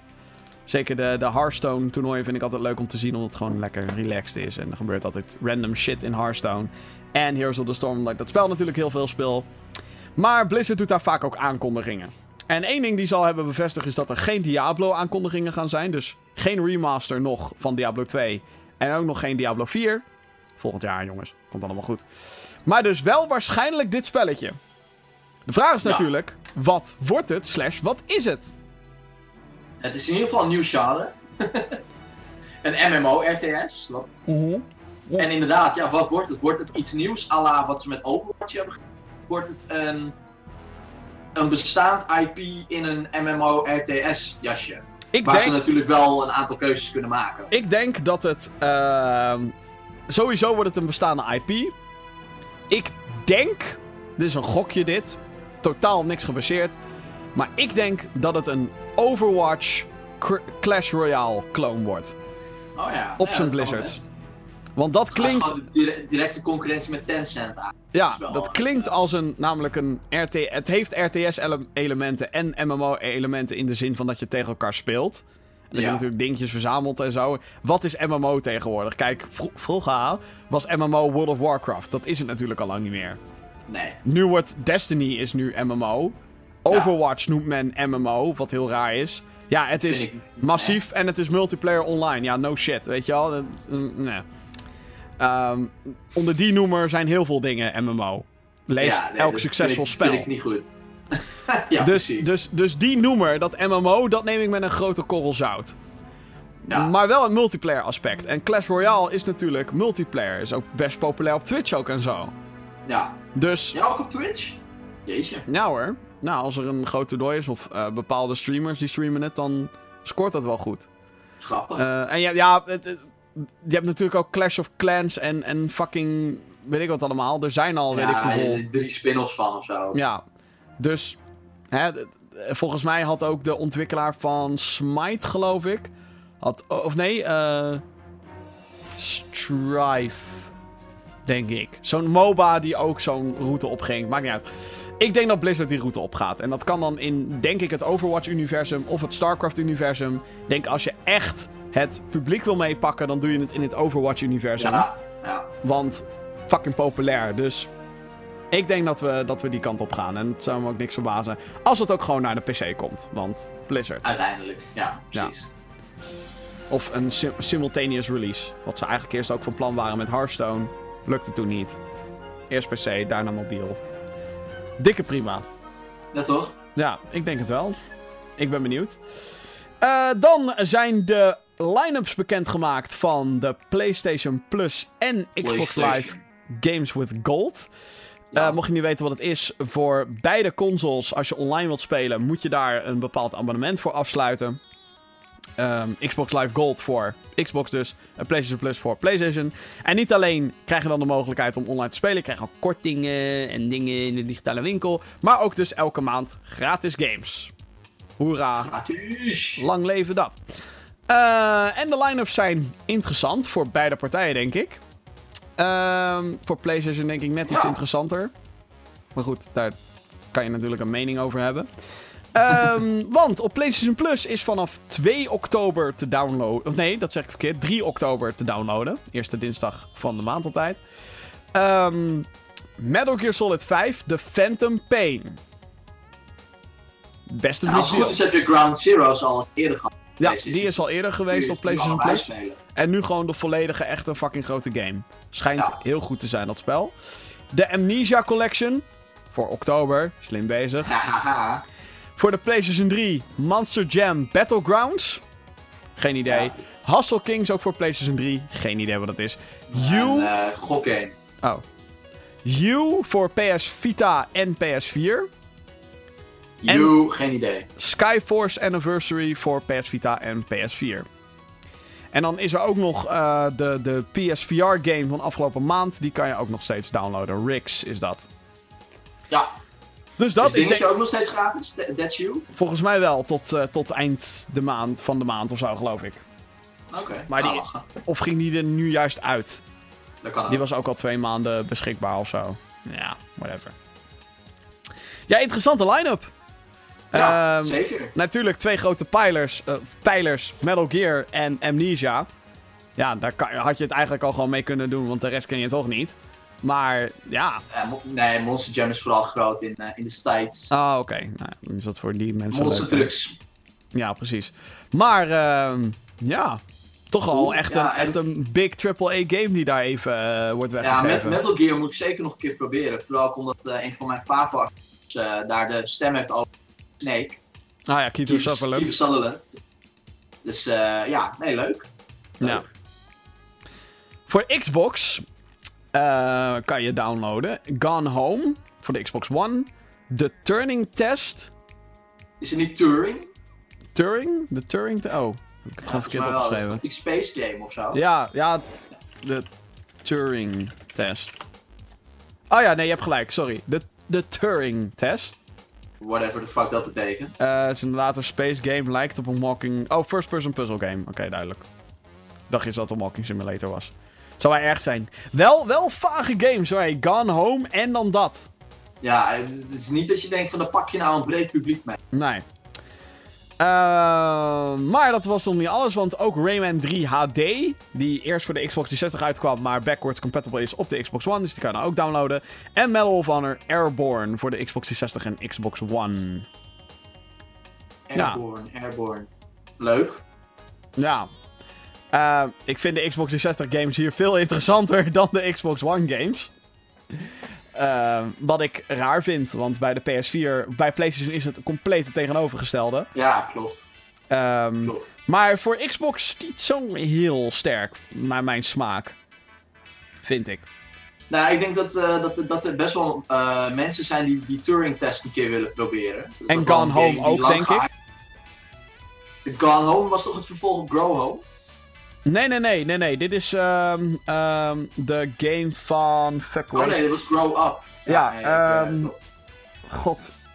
Ja, ook een walking Eh, simulator. ja, het is een walking simulator, ja. Eh, Ja, het, het was precies. een game van Mike Bithell, geloof ik.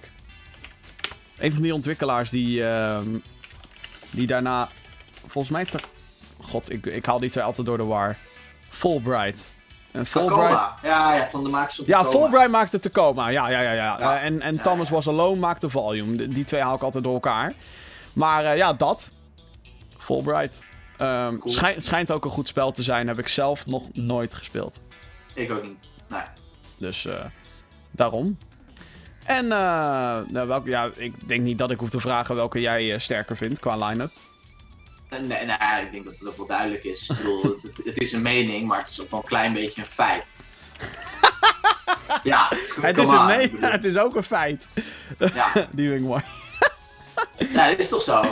Het is tegenstrijdig. Ik denk dat dat een feit is van het statement wat jij net maakte. ik, ik ben erover verdeeld. Ja, nou, ik... eh, nee, nee, ik snap je volledig. PlayStation heeft natuurlijk gewoon twee grote... best grote games. eh. Ja, En Amnesia is perfect voor het, eh, het, het Halloween, voor Halloween. seizoen. Ja. Ja. Oké, ehm, ik ga de mailbox openen. Eh, je weet het, als je een onderwerp hebt of een vraag die je in wilt sturen, dan kan je altijd mailen naar podcast.gamergeeks.nl. Ik zag ook alweer wat Zoveel. mailtje. Zo jeetje, ik heb wel mailtjes inderdaad eh, gezien. Eh, allereerst, Servando, die heeft gemaild. Het is niet echt game gerelateerd, maar wel ook met de content creators de Red Hydrogen telefoon. Ik heb er even naar zitten kijken. Ik weet niet echt wat Servando verwacht wat wij hierover gaan zeggen. maar er komt dus... Er komt dus een of ander apparaat, een telefoon, die dus VR en AR en 3D allemaal kan laten zien. Ja, VR is gewoon 3D eigenlijk. Eh, maar dan zonder bril. Oké. En het schijnt dan ook eh, daarvan een, een, een telefoon te zijn met natuurlijk een camera en een, en een weet ik wat allemaal. Oh, Dat is... Weet je wat dit is, Jim? Nou, Die, eh ken je die camera's, die red camera's, die gebruikt worden nog een keer die gebruikt worden voor? voor films. Ja, zeker. Dat, dat merk dus, Ja. die maakt deze telefoon. Oké. Ja, ja, ja, Dat want het zijn van die fucking dure vet. camera's, ja. Ja, dat zijn die hele, hele dure camera's. Waar bijvoorbeeld die eh, tweede Guardians helemaal mee is. Mhm. En die twee, eh, die twee, nee, die, nee, die waren IMAX. Nou, die Guardians in ieder geval wel. Ja, Oké, ja, interessant om in de gaten te houden. Ik zie eh, de prijskaartjes, ik heb het niet. Nou ja, ehm, de aluminium versie is goedkoper dan een motherfucking iPhone X. Dus hier staat hij op 1200, ja, 1195 dollar om exact te zijn voor aluminium. En 1595 dollar voor titanium. Eh, Titanium! oh, we will not guarantee these prices at the time of release. Het komt in begin nou, 2018 moet het uit gaan komen. Ja, ik vind het een beetje eh, van wat ik hier lees, er is één eh, press release is ervan. En het is vooral heel veel, oeh, kijk, dit heeft veel technologie, maar het laat nog niks zien of zo. Dus, ik heb zoiets van, het zal wel. Maar, ik heb liever dat ze gewoon een vette nieuwe camera maken of vette films. ja, voor betaalbare voor de consumentenmarkt. ja, Ja. of dat inderdaad. Thomas die heeft gemaild. Hallo GamingGeeks, ik heb een vraag. Ik ga zelf een computer bouwen. Oei. Daarbij hoort natuurlijk eh, eh, componenten kopen. Maar mijn vraag is, waar kan ik het beste mijn componenten halen? Nou, als je zelf een computer gaat bouwen, dan denk ik dat, het, ehm, dat je dat niet met gloednieuwe dure onderdelen moet doen. En op het moment dat je dat wel gaat doen, dan denk ik dat je al weet waar je je componenten moet halen. Ehm, wat ik zelf altijd doe, is als ik nou dingen op zoek ben... eh, Ja, voor... jij belt kan man. Ook. Ik bel Jeroen. Dat klopt. Maar wat ook handig is, is dat Tweakers een prijsvergelijking eh, lijst heeft. Ja, klopt. En dat is fucking handig. En op basis daarvan kan je kijken ehm, ehm, waar, hoe of wat. Ik weet dat Alternate toevallig zo'n PC-bouwfunctie heeft. Ja, En klopt. volgens mij had Tweakers ook zoiets. Er zijn meerdere Ja, websites waar je Ik heb het ook even aan, eh aan Kamman gevraagd. Oh. Ik zal deze, eh, deze vraag ook voorbij komen. En hij zei ook, Tweakers heeft inderdaad goede price watch. Daar kun je sowieso kijken. En hij zegt, ik heb een viertal winkels. Oh. Alternate, Ja. Megekko, of Mega Gecko volgens mij heet het. For Launch en Mycon. Dat zijn spullen Nou. waar eh, onze techman eh, zijn spullen vaak verkoopt. Ja, ik, ik, ik, ik, kom- eh, ik kom daar ook vaak inderdaad als ik iets nodig heb, dus... Verder zijn we niet gesponsord. Nee, dat klopt. Mijn computer komt volgens mij ook bijna groot. Ja, ik zit, ik zit ook al naar bepaalde dingetjes te kijken van... Goh, over een jaar, anderhalf jaar... Dit vervangen, dat vervangen, zus vervangen. Maar ik kan nog wel even met mijn... eh 1080 jongen! Jeroen heeft, eh, heeft gemaild. Onze vaste luisteraar en, en kijker. Hallo dames en heren van Gamer Geeks. En ontzettend tof dat jullie weer kijken naar mijn vraag. Enzo en D zijn uit elkaar. Wat vinden jullie daarvan? Nee, helemaal niks. Nee, Rela- relaties stoppen soms. Ja, ja, oké. ik vind het een... Ik, vind een, ik vind het een merkwaardige trend dat dat eh, op de manier hoe dat gedaan is, dat dat allemaal maar weer gedeeld moet worden op YouTube. Maar goed, daar, zijn je, daar ben je natuurlijk ook YouTube personality voor. Ja, Ehm, inderdaad. En dat de NOS het dan oppakt, dan denk ik van jeetje. Ja, da- dat vind ik ook zwaar Ja. overdrijven. Kijk, dat, het, eh, dat, het, dat bepaalde showbiz-programma's ermee aan de haal gaan, uiteraard. Want het is natuurlijk showbiz en entertainment. Verder zeg niks. Maar ehm, ja, de NOS, daar had ik ook zoiets van. Serieus? Kom aan. Come on, dit is geen nieuws, nieuws, nieuws. Hier betaal ik toch niet voor, godverdomme. Maar goed, eh, ik denk dat het... eh, eh, ik weet niet hoe Enzo zich voelt, want ik ken die jongen persoonlijk helemaal niet. Maar ehm, ik denk dat het voor hem... dat het iets minder pijnlijk is als hij naar zijn views kijkt op dit moment. Want dat gaat wel lekker natuurlijk. Ja, nee, inderdaad. Nou ja, weet je, eh liefde... Ja, daar kan ik er meer over zeggen. Ik vind die volgende vraag veel leuker. Want er zit nog een vraag bij. Wat is volgens jullie de kracht van Minecraft? De Minecraft, bedoemd. Dikke vette piece van Jeroen. Nou, eh, dat is een hele makkelijke, eh, heel makkelijk, toch? Denk ik. Nou, wat is de kracht van Minecraft? Volgens mij dat het gewoon digitaal Lego is. En dat je er alles mee kan doen wat je zelf wil. En dat je dus al die werelden ook gewoon delen met al je vriendjes en vriendinnetjes. Ja. En Ja. ik denk dat dat de kracht is. Het feit dat je het zelf bouwt en dat je dus En dat is dus natuurlijk inderdaad virtual Lego. virtual Lego met iedereen. Ehm, ja, vooral de kids vinden dat leuk. Althans, als je Ja, naar de je dingen kijkt. fantasie de vrije loop laten gaan. Maken wat je wil. Niks is gek. Alles kan. Jeroen is een beetje greedy, want hij heeft nog een mailtje gestuurd. Hoi Gamer Geeks. Nou ja. Waar kijken jullie naar uit komende first look? Waarvoor gaan jullie in de rij staan en welke stand slaan jullie over? Ehm, maar één game. eh, Detroit? Ja. Ja, Detroit, Detroit is speelbaar. Eh, Super Mario Odyssey is speelbaar. Ik weet niet of dat een level is die wij nog niet eerder hebben gedaan. Maar dat zou ik ook nog wel even stiekem even tussendoor willen doen. Ehm, of ik daarvoor in de rij ga staan. Ik, ik weiger altijd een beetje tijdens First Look om in de rij te gaan staan, als ik heel eerlijk ben. Maar... En we eh, zijn er ook gewoon om een programma te maken. Dus Precies, dus eh moeilijk. we hebben druk, jongens. We hebben druk. Ehm, en eh, ja, ik ga toch ook wel even weer langs die indie booth om te kijken wat daar eh, weer allemaal gaande is. Daar staan altijd wel toffe dingen inderdaad. Ja, en je, weet nooit wat je daar tegenkomt. En Nee. soms kom je gewoon iets oudere dingen tegen. Zoals vorig jaar eh, een Lethal League toernooitje. dat, je, dat je daar gewoon aan meedoet. En het jaar daarvoor. En het en jaar het daar- jaar daarvoor. En we don't give a fuck, want Lethal League is fantastisch. Dus als ze er dit jaar weer staan, hopelijk wel, dan kan je daar ons sowieso weer een keer vinden. Welke dag we gaan, dat weten we nog niet echt. Zaterdag Nee, en of zondag. eh, misschien wel beide, misschien niet. Ehm moet even kijken. Dus dat. Ehm, Rick die heeft gemaild. Hey Jim en Johan, ik heb laatst Minecraft Story Mode seizoen 1 plus 2 gekocht voor de PS4. Door deze serie ben ik nu helemaal hyped over Telltale Games. Ik ga binnenkort denk ik ook Guardians of the Galaxy, de Telltale series kopen. Wat zijn de beste Telltale Games die, die jullie gespeeld hebben? Helemaal nee, geen eentje. Ik, eh, ik heb één episode gespeeld van de Telltale game. Dat was Walking Dead. Dat was steeds mijn eerste review. Oh ja, Eh, en daarna wilde ik verder spelen. Eh, maar maar... even kon ik de, de rest van het seizoen niet of zo. Ik weet het niet. Oh, Ik heb daar contact over gezocht bij Telltale Games op de fora. Eh, nooit hulp gehad. Eh, en dat was het moment dat ik besloot om helemaal te kappen met die hele, hele klerenzooi. Dus ik heb ze allemaal niet gespeeld. Ik hoor dat, dat die, dat die Batman die uitkwam vorig jaar, dat die heel goed is. Ik heb dingen gelezen inderdaad over Guardians die heel goed zijn. Oh ja, ik heb, wel, ik heb er eentje gespeeld. Dat was Game of Thrones, één episode. En die was niet zo goed. Die was niet zo goed. Nee, het, Dat was die, dat was die gratis episode. maar- Nee, nee, nee, nee, nee, nee. Ik heb de hele, het hele seizoen heb ik, eh, heb ik. En toen ging ik dat streamen. En toen zat ik... Ja, het is gewoon niet zo... Het probleem met Game of Thrones... En dit is de enige Telltale game waarbij dat echt geldt... Is dat het zich afspeelt in het televisie-universum. Maar niemand in de televisieserie heeft het over de plotlijnen die hier gaande zijn. Dus je hebt zoiets van... Ja, ik ben onzin aan het doen. Nothing... Ja, Niks heeft impact, niks heeft waarde. Dus het, zaten wel, het is wel tof om zeg maar. Hè, wat, eh, volgens mij zat Ramsey Bolton zat in de eerste episode. En Tyrion zit erin. En dan hoor je Peter Dinklage en die, en die gast Ewan Rion of zo heet hij. Ja, ja, die Ramsey. je ook in, eh in Doom. Ja. Eh, dus die hoor je dan en dat is tof, zeg maar. Maar eh, ja, ik heb zoiets van ja.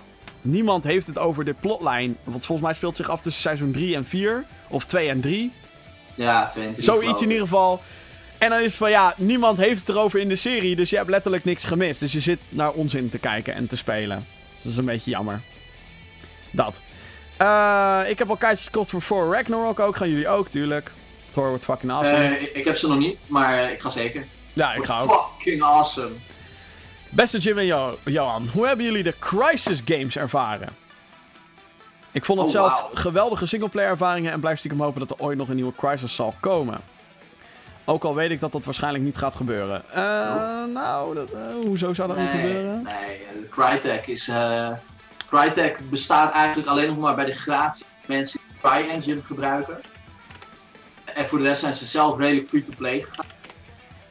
Die laatste game die ze zelf hebben ontwikkeld was die VR-game, volgens mij die Rob. ja, Robinson the Journey Die inderdaad. heeft het niet goed gedaan, echt helemaal niet. Oh. Eh, dus ik denk dat Crytek het eh, heel moeilijk heeft.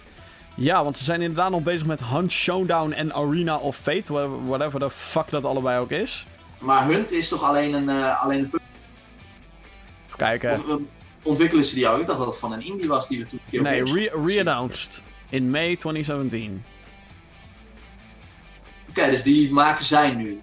Dat Ja. was een indie project, grappig. Echt? Ja, die hebben we samen Oh ja. Vigil, Vigil Games? Nee, dat is al heel oud joh, dit. eh. Ik ga het straks even opzoeken. Nou, het is in ieder geval... Eh, heb, jij, eh, heb jij een van de Crisis games gespeeld? Ik heb één gespeeld, de semi-tussendeel Warhead heet die geloof ik. Ja, ja, ja. En twee. Twee heb ik nooit uitgespeeld. Ik vond ze leuk. Ehm, vooral deel 1 staat bekend als eh, zo'n zo'n technisch... technisch marvel. Oh my Ja, god, weet je wel. Ehm, deel 2 is dat ook hoor, is ook vet. Ehm, het, het is eigenlijk een beetje een, een Far Cry game. Maar dan met een, eh, een, een, een, een suit. Waardoor je of heel snel kan rennen, of in cloaked mode kan gaan, of iemand naar de andere kant van het eiland kan slaan in deel 1 dan. Deel 2 is een stuk meer lineair. Ehm, het probleem met Crisis 1 is exact hetzelfde probleem als dat in Far Cry 1. En dat is dat de game heel interessant is totdat de aliens komen. En dan is het zo van, ja, generic aliens. Het zal wel. Eh, en in Ja. Crisis 2 weet je natuurlijk al dat de aliens er zijn en zo. Dus dan, dan is het van... eh. Crisis 3 heb ik nooit gespeeld. Ja, het waren best interessante games. Ik denk niet dat, het, dat, dat mensen zitten te, te wachten op, op een vervolg of een remaster hiervan. Ik denk dat je het gewoon lekker bij zo'n drietal moet houden. Ehm, en dat dat... Het zal ook wel een reden geweest zijn dat EA eh, daar niet, eh, niet verder mee is gegaan. Ja, nee, volgens mij had Crisis 3 ook niet echt... EA nee, eh, Crisis 3 heeft het helemaal niet zo goed gedaan. Nee. En dat was in, echt in zo'n periode dat EA zich heel erg met bepaalde... hoe heet het? Dingen ging bemoeien. Zoals bijvoorbeeld eh, dat, dat Dead Space. Dead Space 3 gebeuren. Dat was een Ja. beetje in diezelfde periode. Ehm, ja, het, maar het was wel... Ja, het, wa- het was wel echt het einde van een trilogie, lees ik hier. Dus... En dat Nou, op zich... Ik heb liever dat Crytek fucking timesplitters gaat maken. ja, Ja. yes please. Dus, ehm Ik heb, eh, ik heb toen die eerste keer geprobeerd, maar dat was meer gewoon om te kunnen installeren op mijn PC, kijken of hij deed. Ik had net de nieuwe en toen deed hij het, dus ik was heel blij. Ja. Ehm, en dan kwam er nog een mailtje binnen van Jens. Eh, welke technologieën willen jullie nog zien in de toekomst 2018, 2019, 2020, et cetera? Vliegende auto's! Echt, hè? Ik- en ik wil zo'n zo'n eh, zo'n skateboard. Ja, een hoverboard uit Back to the Future Part 2. Dankjewel. Ja. Wat betreft gaming, ehm, ja, VR. VR mag wel al wat beter fleshed Die- out worden. Die echt daadwerkelijk werkt en zo. Meer een ervaring dan wat het nu is, zeg maar. Je, je hebt wel je, dat VR-tech ding wat we bijvoorbeeld hebben gedaan, dat vond ik heel tof op Gamescom. Eh, dat, dan wordt het echt een experience, dus word je echt in een ruimte met meerdere mensen en dan komt er zo'n draadje naar beneden, heeft iedereen zo'n bril op. Dan ben je dat echt soort van als activiteit met elkaar aan het doen. Eh, ik heb ook dingen gezien dat je ook in zo'n suit wordt gehezen. En dat je op een soort van draaiding staat in een harnas. En dat je ook kunt draaien. En dat, dat je echt aan het lopen bent in zo'n game. Ik denk, daar ben ik wel in geïnteresseerd. Dus dat het echt dat het nog wat minder passief wordt en echt een actief ding. Maar dan wel met VR. Ja. Ja, we gaan gewoon de technologie die we nu hebben, gaan we verder ontwikkelen. En ehm ja, ik weet niet. Ik, eh, kijk, weet je, als er nieuwe technologieën komen, dan zien we dat vanzelf. Ik ben zelf helaas geen technisch genie. Dat ik weet hoe of wat. Ehm, weet je wat een goede technologie zou zijn? Nou, Een fucking stroomadapter bij een fucking Super Nintendo Mini proppen. nou, maar dat is toch al uitgevonden, zo'n adapter. Ja, ja fucking kutzang. Nou, eh, we zijn al een tijdje bezig. Ja, Eh, maar het is wel eh, nog tijd voor het gesprek van de dag. Nogmaals, als jij vragen hebt voor de volgende show, laat het vooral weten. Podcast@gamergeeks.nl. Ehm, want ja, altijd leuk. Bedankt Jens trouwens nog voor je mailtje. Ehm, maar we gaan naar het gesprek van de dag. Het is oktober nu. Datum van opname Yes. is 1 oktober 2017. Het Yes. najaar van de games is al lang en breed begonnen. Ik denk dat we toch wel kunnen zeggen dat Destiny 2 een beetje de aftrap was wat betreft grote games. ja, En er komen nog, weet ik hoeveel eh, games aan. ja Zeker. Het is, echt, het is echt heel erg. Zeker in oktober wordt het eh, fucking druk. Er komt natuurlijk meer uit dan alleen maar de big boys. Maar ik denk toch wel dat mensen zich afvragen: Goh, wat vinden jullie nou van ehm, hè, de oktober releases? Welke verheugen jullie je, welke niet? Ehm, welke ga je sowieso kopen of halen? Ja, Spelen. ja Kan ook. inderdaad. Johan, ik weet niet of Ja. jij eh, je hier enigszins op hebt kunnen voorbereiden überhaupt. Nou, ik kan dit uit mijn hoofd. Oké. Ehm, ja, de, eh, 19, 19 oktober komt er een game uit. Eigenlijk is het een re-release Oh, van, van een van de, van de beste RTS-games ooit gemaakt. Oh, ja, jee. ik zeg het. Age of Empires. Mm. De Mhm. Definitive Edition. Als een soort van zoethoudertje voor eh, deel het jaar verschijnt. Ja. ja, fucking hell. Het is, het is Age of Empires. Ik, ik eh, heb over twee weken toevallig weer een, eh, een LAN-weekend. Eh, waarbij ik eh, Age of Empires 3 gewoon weer op LAN ga spelen. Ik speel dat dus nog steeds. Ik speel ook nog steeds Age of Empires 2. Eh, ook op dat soort LAN-gelegenheden. Ja. Het, het, het is gewoon, het is een van de eerste PC-games die ik ooit heb gespeeld. Dat sowieso. En dat, dat heeft gewoon zo'n zo'n warm plekje bij mij in mijn hart. Ik vond dat zo fucking vet. Als ik dan zie wat ze met die Definitive Edition hebben gedaan. Eh, ik, ik had dus toevallig net muziek nodig voor Gaming Geeks Next. Mhm. Spoiler, hij zit erin. Eh, maar ze hebben dus al die scores, die hebben ze opnieuw opgenomen. Ja. En ja, dat is gewoon, het is, het is gewoon vet. Het is echt heel vet. Ik ben zo'n zo'n Age of Empires fan. Eh, dus die moet ik waarschijnlijk wel gaan. Ja, nee, dat, dat snap ik als je daar... Ja, ik ben daar ook fan van hoor. Het enige waar ik een beetje moeite mee heb, is dat het op de PC alleen op die Windows 10 fucking store is. Ja, en ik ga het landen denk ik ook wel missen, wat dat betreft. Ja. Het zit er waarschijnlijk ook niet meer in. Dus dat is wel jammer. Het is Er natuurlijk... zit wel Xbox Live multiplayer in. Ja. Ehm, nou, eentje die ik dan... Ja, oké, er is een andere game waarvan ik sowieso weet, daar ga jij het zo meteen over hebben.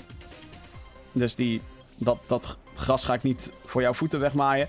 Eentje waar ik me wel eh, op verheug, is The Evil Within 2. ja. Op 13 oktober. Horror game gemaakt door eh, Tango Gameworks en uitgeven wederom door Bethesda. Ik heb op Gamescom een demo gespeeld en alhoewel ik het eerste, de eerste game vond ik een beetje... eh, eh. Ehm, de sfeer was goed en het idee erachter is vet. Alleen het had hele oude mechanics, waardoor ik zoiets had van... Jongens, hallo. We zijn inmiddels al in de 21ste eeuw, come aan. Ehm, deel 2 op Gamescom was significant beter. Eh, het was wat opener, de mechanics werkten beter, de graphics zagen er fucking gruwelijk uit. Dus ja, eh, oh, en ook op vrijdag de 13e release, perfect. Ja, ik, tof. ik verheug me erop. The only way in is out. Ja. Of Ja, uit ik ben, ik, ben, ik ben wel nieuwsgierig naar die titel, maar dat is ook meer omdat ik nog steeds deel 1 aan het spelen ben. Daar Mhm. echt heel veel verder mee kom. En ik gewoon nog steeds geen idee heb wat de fuck er aan de hand is. Waardoor ik nog steeds nog meer denk van, oké, als ik het in deel 1 al niet weet en het daar een soort van duidelijk gaat worden. Wat, wat gaat er dan in 2 gebeuren? Ja, precies. Ja. Ja, dus ik eh, ik ben, eh, ja, daar ben ik wel echt eh, ook wel nieuwsgierig naar. Maar ja, ik ben, ik ben zo'n sukkel. Ik moet dan eerst deel 1 spelen. Net als dat ik ook eerst nog de eerste Blade Runner ga kijken. Ja, precies. ja. Ja, zo zit ik in elkaar. Ik kan daar niks aan doen. dus ik moet eerst deel 1 uit. ja. Heb jij nog een game die in oktober uitkomt waarvan jij zegt, ja, eh, definite buy van, van mij? Of wil ik sowieso gaan spelen? Ja, Shadow of War, toch wel. Nou, nou, die bedoel ik dus. Ja, Middle eh, Shadow of War? Shadow of Mordor vond ik geweldig. Zo niet fantastisch. Ja. Is ook geweldig. Ehm, dit doet eigenlijk wat Shadow of Mordor ook al deed. Alleen dan nog wat uitgebreider. Ik weet niet of ik die uitbreidingen al zo top. Ik heb daar wel even mee mogen kutten op Gamescom. Eh, kan een beetje overwhelming aanvoelen. Al die opties die je ineens hebt. Van oh, oh ik kan die ork soort van perks meegeven. Ja, ja. Ehm, ja, dus daar zat ik wel echt van, oké, holy shit, wat is dit? Dus ik hoop dat daar een beetje een learning curve eh, aan wordt gegeven. Dat je niet meteen al die, die minuutjes in je, in je strop krijgt. Maar ja, wat ik speelde was wel gewoon weer lekker. Ik was gewoon weer lekker aan het hakken en zagen. En het is, het, het is The Lord of the Rings, weet je. Ik bedoel, dat, dat is ook iets wat, eh, wat mij eh, altijd erg aan het hart gaat. Ehm, dus ja, Shadow of War is waarschijnlijk een no-brainer ja. die moet ik, ja, die moet ik gewoon spelen. En ik, ik, ik hoop, hè, los van de graphics en alles wat er al gezegd is, ik hoop gewoon dat het weer gewoon dat doet wat Shadow of Mordor ook deed. En als dat niet veel beter is dan wat Shadow of Mordor deed, dan heb ik daar eigenlijk wel vrede mee. Ja, er is er eigenlijk helemaal niks mis mee, want fuck it, Nee. Shadow of Mordor was geweldig. Het is natuurlijk wel een game die nu onder de controverse zit. En ik vind het jammer dat juist zo'n vervolg op zo'n succesvolle game. Die overigens ook al wat controverse her en der had. Ja, dat is, eh, ik vind het jammer dat dat dan weer moet. Weet je wel? Dat zo'n dat, dat zo'n uitgever dat dan weer loopt te verneuken. Ja, dat, ja, dat is zonde. Nergens voor nodig. Eh, ik kan me nog wel herinneren dat Shadow of Mordor. Daar was toen gedoe mee met de reviews toen. De, bepaalde partijen kregen, mochten alleen die game van tevoren reviewen spelen. Alleen maar op, eh, op basis van een contract. Wat eigenlijk meteen een sponsorship was. Oh ja, ja klopt. Dan mochten ze geen bugs eh, highlighten. Ze mochten geen negatieve dingen zeggen en dat soort dingen. Terwijl, eh, dat doe je echt alleen maar bij games waar je heel veel geld in hebt gestoken en die niet goed is. Bij Shadow of Mordor was dat, dat was helemaal niet nodig geweest. Zo stom, zo dom. Zo desperate. Ja, fuck off, Warner Brothers. Fuck off. Goed, nu drie jaar later. Shadow of War heeft nog meer controversie om zich heen. Dat gaat niet alleen maar over de review copies, maar over alles om die game bekend. Met die fucking. Die lootboxes slopen eruit, jongens. Fuck off. Ehm, maar eh, ja, ook ik verheug me op dit spel. Eh, eentje waar ik me ook, ook op verheug. eh, heeft ook her en der wat controverse. Maar goed, daar smullen de makers van. South Park The Fractured Butthole. Ja, Ik heb de ja Collector's Edition echt meer, gepreorderd. meer een ding voor jou. Ja, het, eh, het- de enige reden waarom ik het wil spelen is niet zozeer om de mechanics die wel uitgebreid zijn ten opzichte van het eerste deel, de Stick of Truth. Maar gewoon om de humor en het schrijfwerk. Dat was in de eerste game al briljant. Volgens mij tegen de tijd dat die game uitkomt, nadert het 21ste seizoen. eh, zo, 21ste seizoen. Zijn einde. Eh, of is dan al afgelopen? Gelo nou, nee, nee, nee. Dan zijn er nog een paar episodes over. Maar ja, die South Park hype is al helemaal aan. En dat je dan zo'n game krijgt eh, met, met, met de superhelden parodieën erin. Ja, zin aan. Ja, ja, inderdaad. Nee, ik heb die eerste niet gespeeld, maar dat is meer omdat, eh, en dat, dat kun jij waarschijnlijk bevestigen, zo'n spel is alleen leuk als je iets met South Park hebt. Ja, als je geen fa- fan bent van South Park, dan zal je dit waarschijnlijk. Dan zal je heel veel humor ook niet. Maar als je geen fan bent van South Park, dan kan je de humor niet waarderen. Want dan vind je de humor niet leuk. Daar zit deze game vol mee. Dus tuurlijk ga je het dan niet eh, spelen. Nee, Dus, dus, die, eh, die, sla, die sla ik in ieder geval. Ja, dat snap ik. Ja, en voor de rest, eh, er komt natuurlijk heel veel uit. En ook heel veel dat ik wil spelen. Ik ben bijvoorbeeld heel benieuwd naar eh, Origins, Assassin's Creed. Zeker. Eh, Ook gepreorderd, by the way. De Collector's Edition. I know, I know. Nee, weet je, het is, het is Assassin's Creed na een pauze. Eh, terwijl Ja. Syndicate eh, helemaal niet zo slecht was. Nee, Syndicate Eh, was allesbehalve slecht. In ieder geval. Unity dan... heeft het gewoon verneukt. Ja, fuck dan beter dan Unity was Syndicate. Ah, Unity. Oh. Unity heeft het verneukt, daardoor heeft Syndicate niet. En daardoor zei Ubisoft, weet je, we slaan even een jaartje over. Ja. En wat ik zo tof vind aan Origins is dus dat je waarschijnlijk in dit deel eh, erachter komt hoe zeg maar die, die Assassin's Creed Order is ontstaan. Zeker, zeker. Ja, ja dat gaat gebeuren. Dat is uh, een feit. Uh, en, en dat, dat vind ik wel een, een belangrijk keypunt, zeg maar, uit die hele reeks. Dat toch nooit... Weet je, in deel 1 wordt het wel een soort van... Maar daar ben je al onderdeel van die order, dus dan snap ik het ook niet helemaal. En ik heb het idee dat, hè, ook uitgaande van de titel, uh, dat je hier echt helemaal terug gaat naar de order in een Egyptische setting, die ik heel tof vind.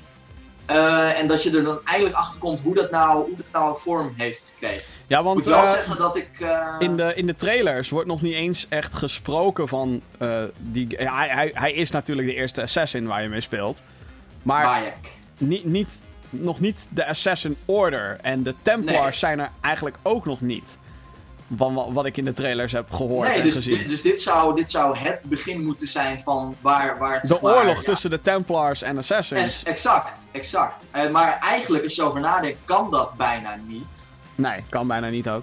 Maar Maar qua, qua tijd. Dus er moet een sprongetje gemaakt worden. er wordt, wel, er wordt wel iets genoemd over de Order of the Ancients. Dus ik ben benieuwd naar wie dat refereert. Zij, wordt dat uiteindelijk de Assassin Order of wordt dat de Templar Order? Ja, zijn precies. allemaal Nee, de- afstammelingen van. Ja, eh, heel interessant. Eh, voor mij eh, zou dat een zijn naar de reeks sinds deel 3. Oeh. Ehm, maar ik, ja, ik- deze, deze ga ik misschien wel proberen. Niet op day one. Maar dit is wel absoluut eentje waarbij ik zoiets heb van oké, dit wil ik wel weer spelen. Ja, Ja. Nou, nee, dat snap Ja. ik. Ja. Ehm, nou, die had ik ook op mijn lijstje staan natuurlijk. Een andere Uiteraard. Die eh, denk ik ook wel voor mij vanzelfsprekend is Wolfenstein 2, de New Colossus. Komt op dezelfde datum uit als Assassin's Creed, dus dat is maar kut. Ehm, Eh, ja, first-person shooter actie, heerlijk ruig, nazi's knallen. Waarom niet? Weer in zo'n, ehm, eh, hoe heet het? In zo'n post Tweede Wereldoorlog, maar dan gewonnen door de Duitsers setting. ja. Waar ze compleet op inhaken. Wat in de New Order al tof was. Maar hier nog erger benadrukt wordt eh, uit alle promotie en, en trailers en gameplay die ik heb gezien. Het En is wordt, een direct vervolg, toch? ja, het, wordt, het is een direct vervolg op eh, de New Order. En nou, de New Order was fantastisch. Ehm, dus ja, zin aan. Zin aan. Het- het- Van wat ik heb gezien, lekkere shooter-actie. Met toch nog wel een laagje diepte her en der. Die de New Order ook had, hoop ik. Dan nou, in de uiteindelijke Ja. game. Destiny 2. Denk je, huh, is toch eh? uit? Maar voor de PC. Ja. En ehm alhoewel ik Destiny, wij moeten sowieso samen ook nog eh, op avontuur gaan. Eh, zeker. Maar toch, eh, hè, ik, ik zei het al eerder, shooters, dat speel ik toch het liefst op de PC. En dat geldt ook zeker voor co-op dingen. En dan met een unlocked framerate en hoge resoluties en grafische opties en bla bla bla bla bla. En ook gewoon wetende dat er een aantal mensen zijn in, in, in bepaalde gaming vriendenkringen die geen PlayStation hebben, maar wel dolgraag Destiny 2 willen spelen. Oké, amen. Weet je wel? Het is dan een beetje Ja. zuur dat ze natuurlijk niet gewoon tegelijkertijd met Xbox en PS4 hebben gereleased. Maar daar zal Activision vast een reden voor hebben gehad. Want ook ik heb nu zoiets van, ja, ik wil toch wel de PC-versie hebben halen. Halen hebben. dus kut. En er zijn Ja. dus ook gewoon mensen die, eh, die dan inderdaad eerst een console-versie kopen. En dan eind deze maand voor de PC-versie gaan. Dus dat is de, de money. De manes. De Zeker, zeker. laatste die ik nog had opgeschreven is voor de Nintendo-fan een no-brainer. En dat is natuurlijk Super Mario Odyssey. Ja. Ik heb die game al in mijn Gamescom-video de hemel in geprezen. Want het speelt fantastisch, het ziet er fantastisch uit. Zit vol met creativiteit. Het belooft eh, de must-have te worden voor de Switch. Ja, zeker, zeker. Komt ja, ook op dezelfde datum uit. Als, als fucking Assassin's Creed en fucking Wolfenstein. Dus jij hebt 27 oktober vrijgenomen? Nee. Help. Nee. Oh man, ik denk Het wordt echt... een druk weekend dan. Het wordt echt... Het is, het is, niet- maar het is echt niet te doen, jongens. Het is Ja, en dan heb je ook doen. nog 21 games op die SNES staan. Ja, checken. en, en er zijn nog allemaal games die ik nog moet afmaken en, en, en ik doen. weet het, ik heb hetzelfde probleem. What the fuck, man. What Jezus. the fuck, man. Het Ik is- weet het. Het is, het is niet te doen. Is echt Nee. niet te doen.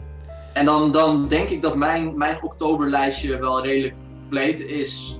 Ja, die van mij ook. Ja, ik... ehm, dat zijn echt... Dat, het zijn sowieso bijna alle grote games. Ik denk dat we ons daar wel op verheugen.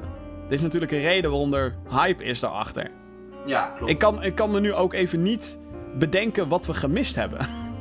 Nee, er komt ook nog wel een kleiner spelletje uit dat ik wil spelen. Dat heet Ahead in Time. Dat is een, eh, een 3D puzzel platformachtig ding. Ja. Eh, die er gewoon super koddig uitziet. En die eh, volgens mij gewoon heel leuk is om te spelen in die projectje dat ik al Mhm. een tijdje in de gaten houd. Maar ja, weet je, ik bedoel, het geld kun je maar zo vaak uitgeven. Precies. Ik moet gewoon even goed gaan kiezen.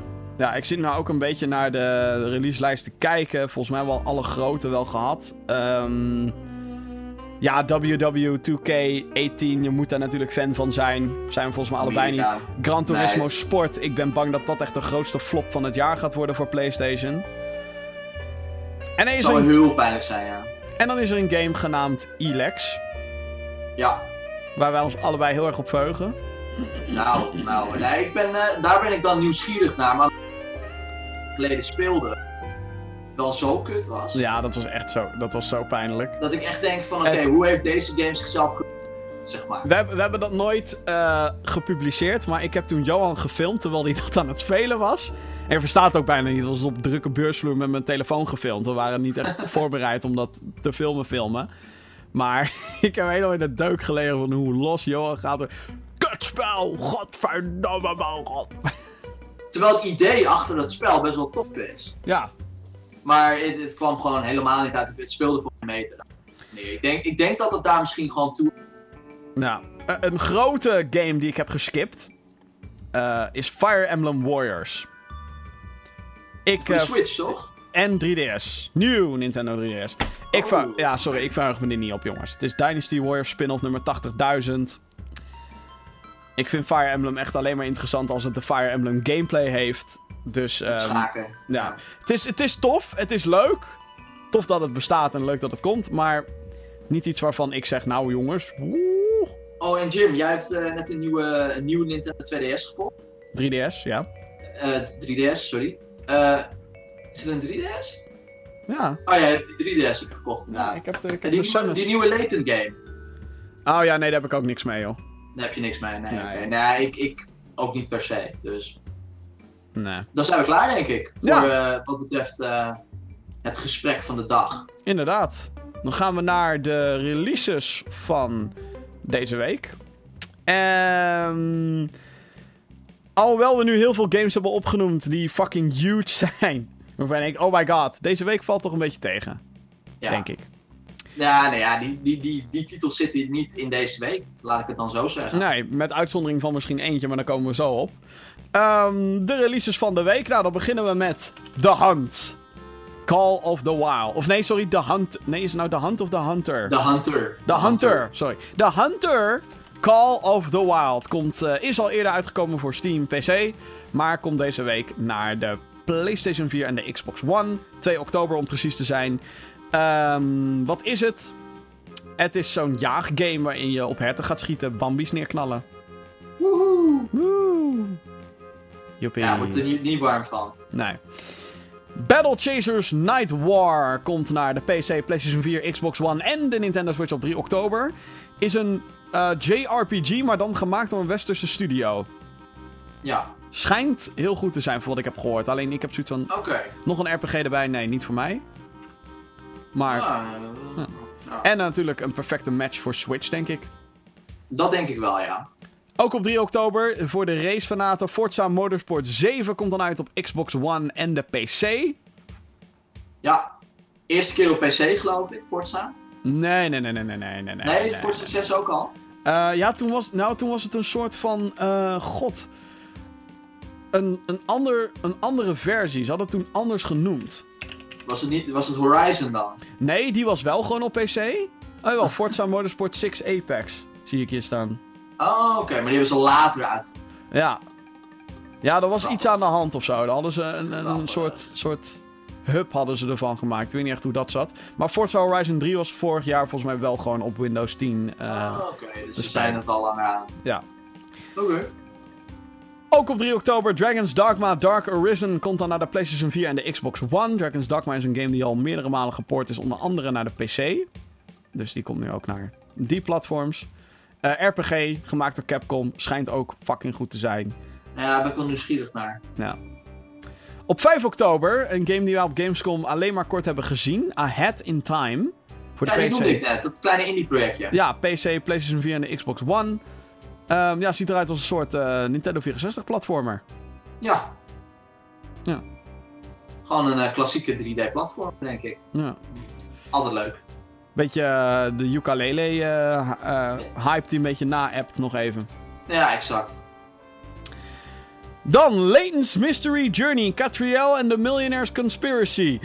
6 oktober voor Nintendo 3DS. Daar hebben we het net ook over gehad. Ik heb niet heel veel met die Layton eh, games. Maar voor de puzzelfanaten is dat denk ik wel weer een, eh, een dingetje Het om zijn op te wel hele goede games, dus eh, inderdaad.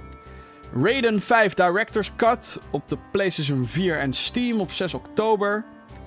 Is ook al een game die volgens mij al eerder uitkwam. Dit is dan een nog iets uitgebreidere versie. Joepie. Director's Cut, ja. Ook op 6 oktober, alleen voor de Switch, of althans de- op de alle andere platforms is hij al uit. De Lega Ninja Go Movie Videogame. De Lega. Lego? Zei ik Lega? Ja, de Lega. Sorry, blablabla, correctie. De Lego Ninja Go Movie Videogame. Nu zeg ik het wel goed, toch? ja, ja, ja. Lego Ninja Go Movie Videogame. Jij. Ja, weer, weer een Lego game gebaseerd op een... Ja, kun je erover zeggen. Ja. En als laatste op 6 oktober Mario en Luigi Superstar Saga plus Bowser's onder of eh, sorry Mario en Luigi Superstar Saga plus Bowser's onderdanen voor Nintendo 3DS. Dus een remake van de Game Boy Advance game. Eh, Mario en Luigi Superstar was. Saga. En eh, ja, ik, ik, ik verheug me hier. heb ik er tijd voor? Absoluut niet. Maar ehm, ja, dit. ehm, ja, dit wil ik wel spelen. Dit is wel een dingetje waarvoor ik zoiets heb van... Oh ja, ik, had, ik heb een nieuwe Nintendo 3DS toevallig. Metroid. Samus Returns is uitgespeeld. Dus ja, Je hebt wel ruimte voor een nieuwe 3DS game. exact. Theoretisch gezien dan. Moet gewoon te doen zijn natuurlijk. Dus ja, maar daar moet ik even naar kijken. Want het is toch wel weer 40, 45 euro. Ja, mm. Ah, ah, ah, ah. Nee, Dat is wel weer maar iets. Dan zijn wij aan het einde gekomen van deze editie van eh, de Gamer Geeks podcast. Het was weer een lange zit. Jezus, ga eten zo denk ik. We, hebben, we moeten, we moeten, eh, ja, inderdaad, what the fuck. Ehm, we we moeten echt even kijken of we misschien twee podcasts in de week kunnen doen, joh, met dat al dat gelul van ons. Ongelooflijk. Yes. Niet normaal. Ehm, nou, ik ben nog steeds bezig met dezelfde video's waar ik eh, nog mee bezig was. Tijd is een eh, waardevol iets. Daar is niet veel meer van.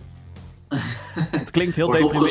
Het klinkt heel deprimerend als ik dat zeg. Nee, er is wel veel tijd. Alleen, eh, ja, dat is zo. dat- ik ben met 80 dingen tegelijkertijd bezig. Dus eh, It's the way you spend it. ja, dat is waar. En soms is dat ook waardevol. Door bijvoorbeeld video's te maken, wat ik zeker wel van plan ben. Ehm, maar reviews, die, eh, ja, ja, die moet, moet toch wel echt een keer gaan gebeuren. Dus ehm, ja, reviews hoop ik deze week op doen. Leuk. Ehm, ik weet niet of dat tijdens deze opname, of, eh, of eh, op het moment dat dit online komt te staan, als in de video- en audioversie, of die er dan al is. Gamer Geeks Next. Ik eh, ben er druk mee bezig en ik hoop hem eh, vanavond, dus op het moment van opname 010, 0110, eh, te publiceren. Nou, dus eh, als je echt wil weten wat er allemaal in oktober uitkomt, dan eh, moet je dat even checken. Volledige Yes. releaselijsten en dat soort dingen. En natuurlijk ook nog wat highlights. Exactly. Gamer Geek Next. En ehm nou, dat was het denk ik wel een beetje. Er is misschien Nou, nog ik denk iets... dat er genoeg gezegd is. Nou, er is nog iets anders gaande deze week, maar dat zie je vanzelf allemaal op www.gamergeeks.nl. Check daar al onze videocontent. En eh, als je echt compleet op de hoogte gehouden wil worden, dan moet je naar onze Twitter gaan. Twitter.com slash gamergeeksnl. Daar posten we Yes. alles eh, als er iets gebeurt. En eh, nou, heb je een vraag voor deze show, dan eh, je weet het, hè, podcast at gamergeeks.nl. Dat is het mailadres. Goed, dames en heren. Dit was eh, de twintigste aflevering van de Gamer Geeks podcast. Ehm, volgende week, als het goed is, weer een showtje. Ehm, nou, nogmaals, houd daarvoor onze Twitter in de gaten. Yes. Tot later! En tot de volgende. later!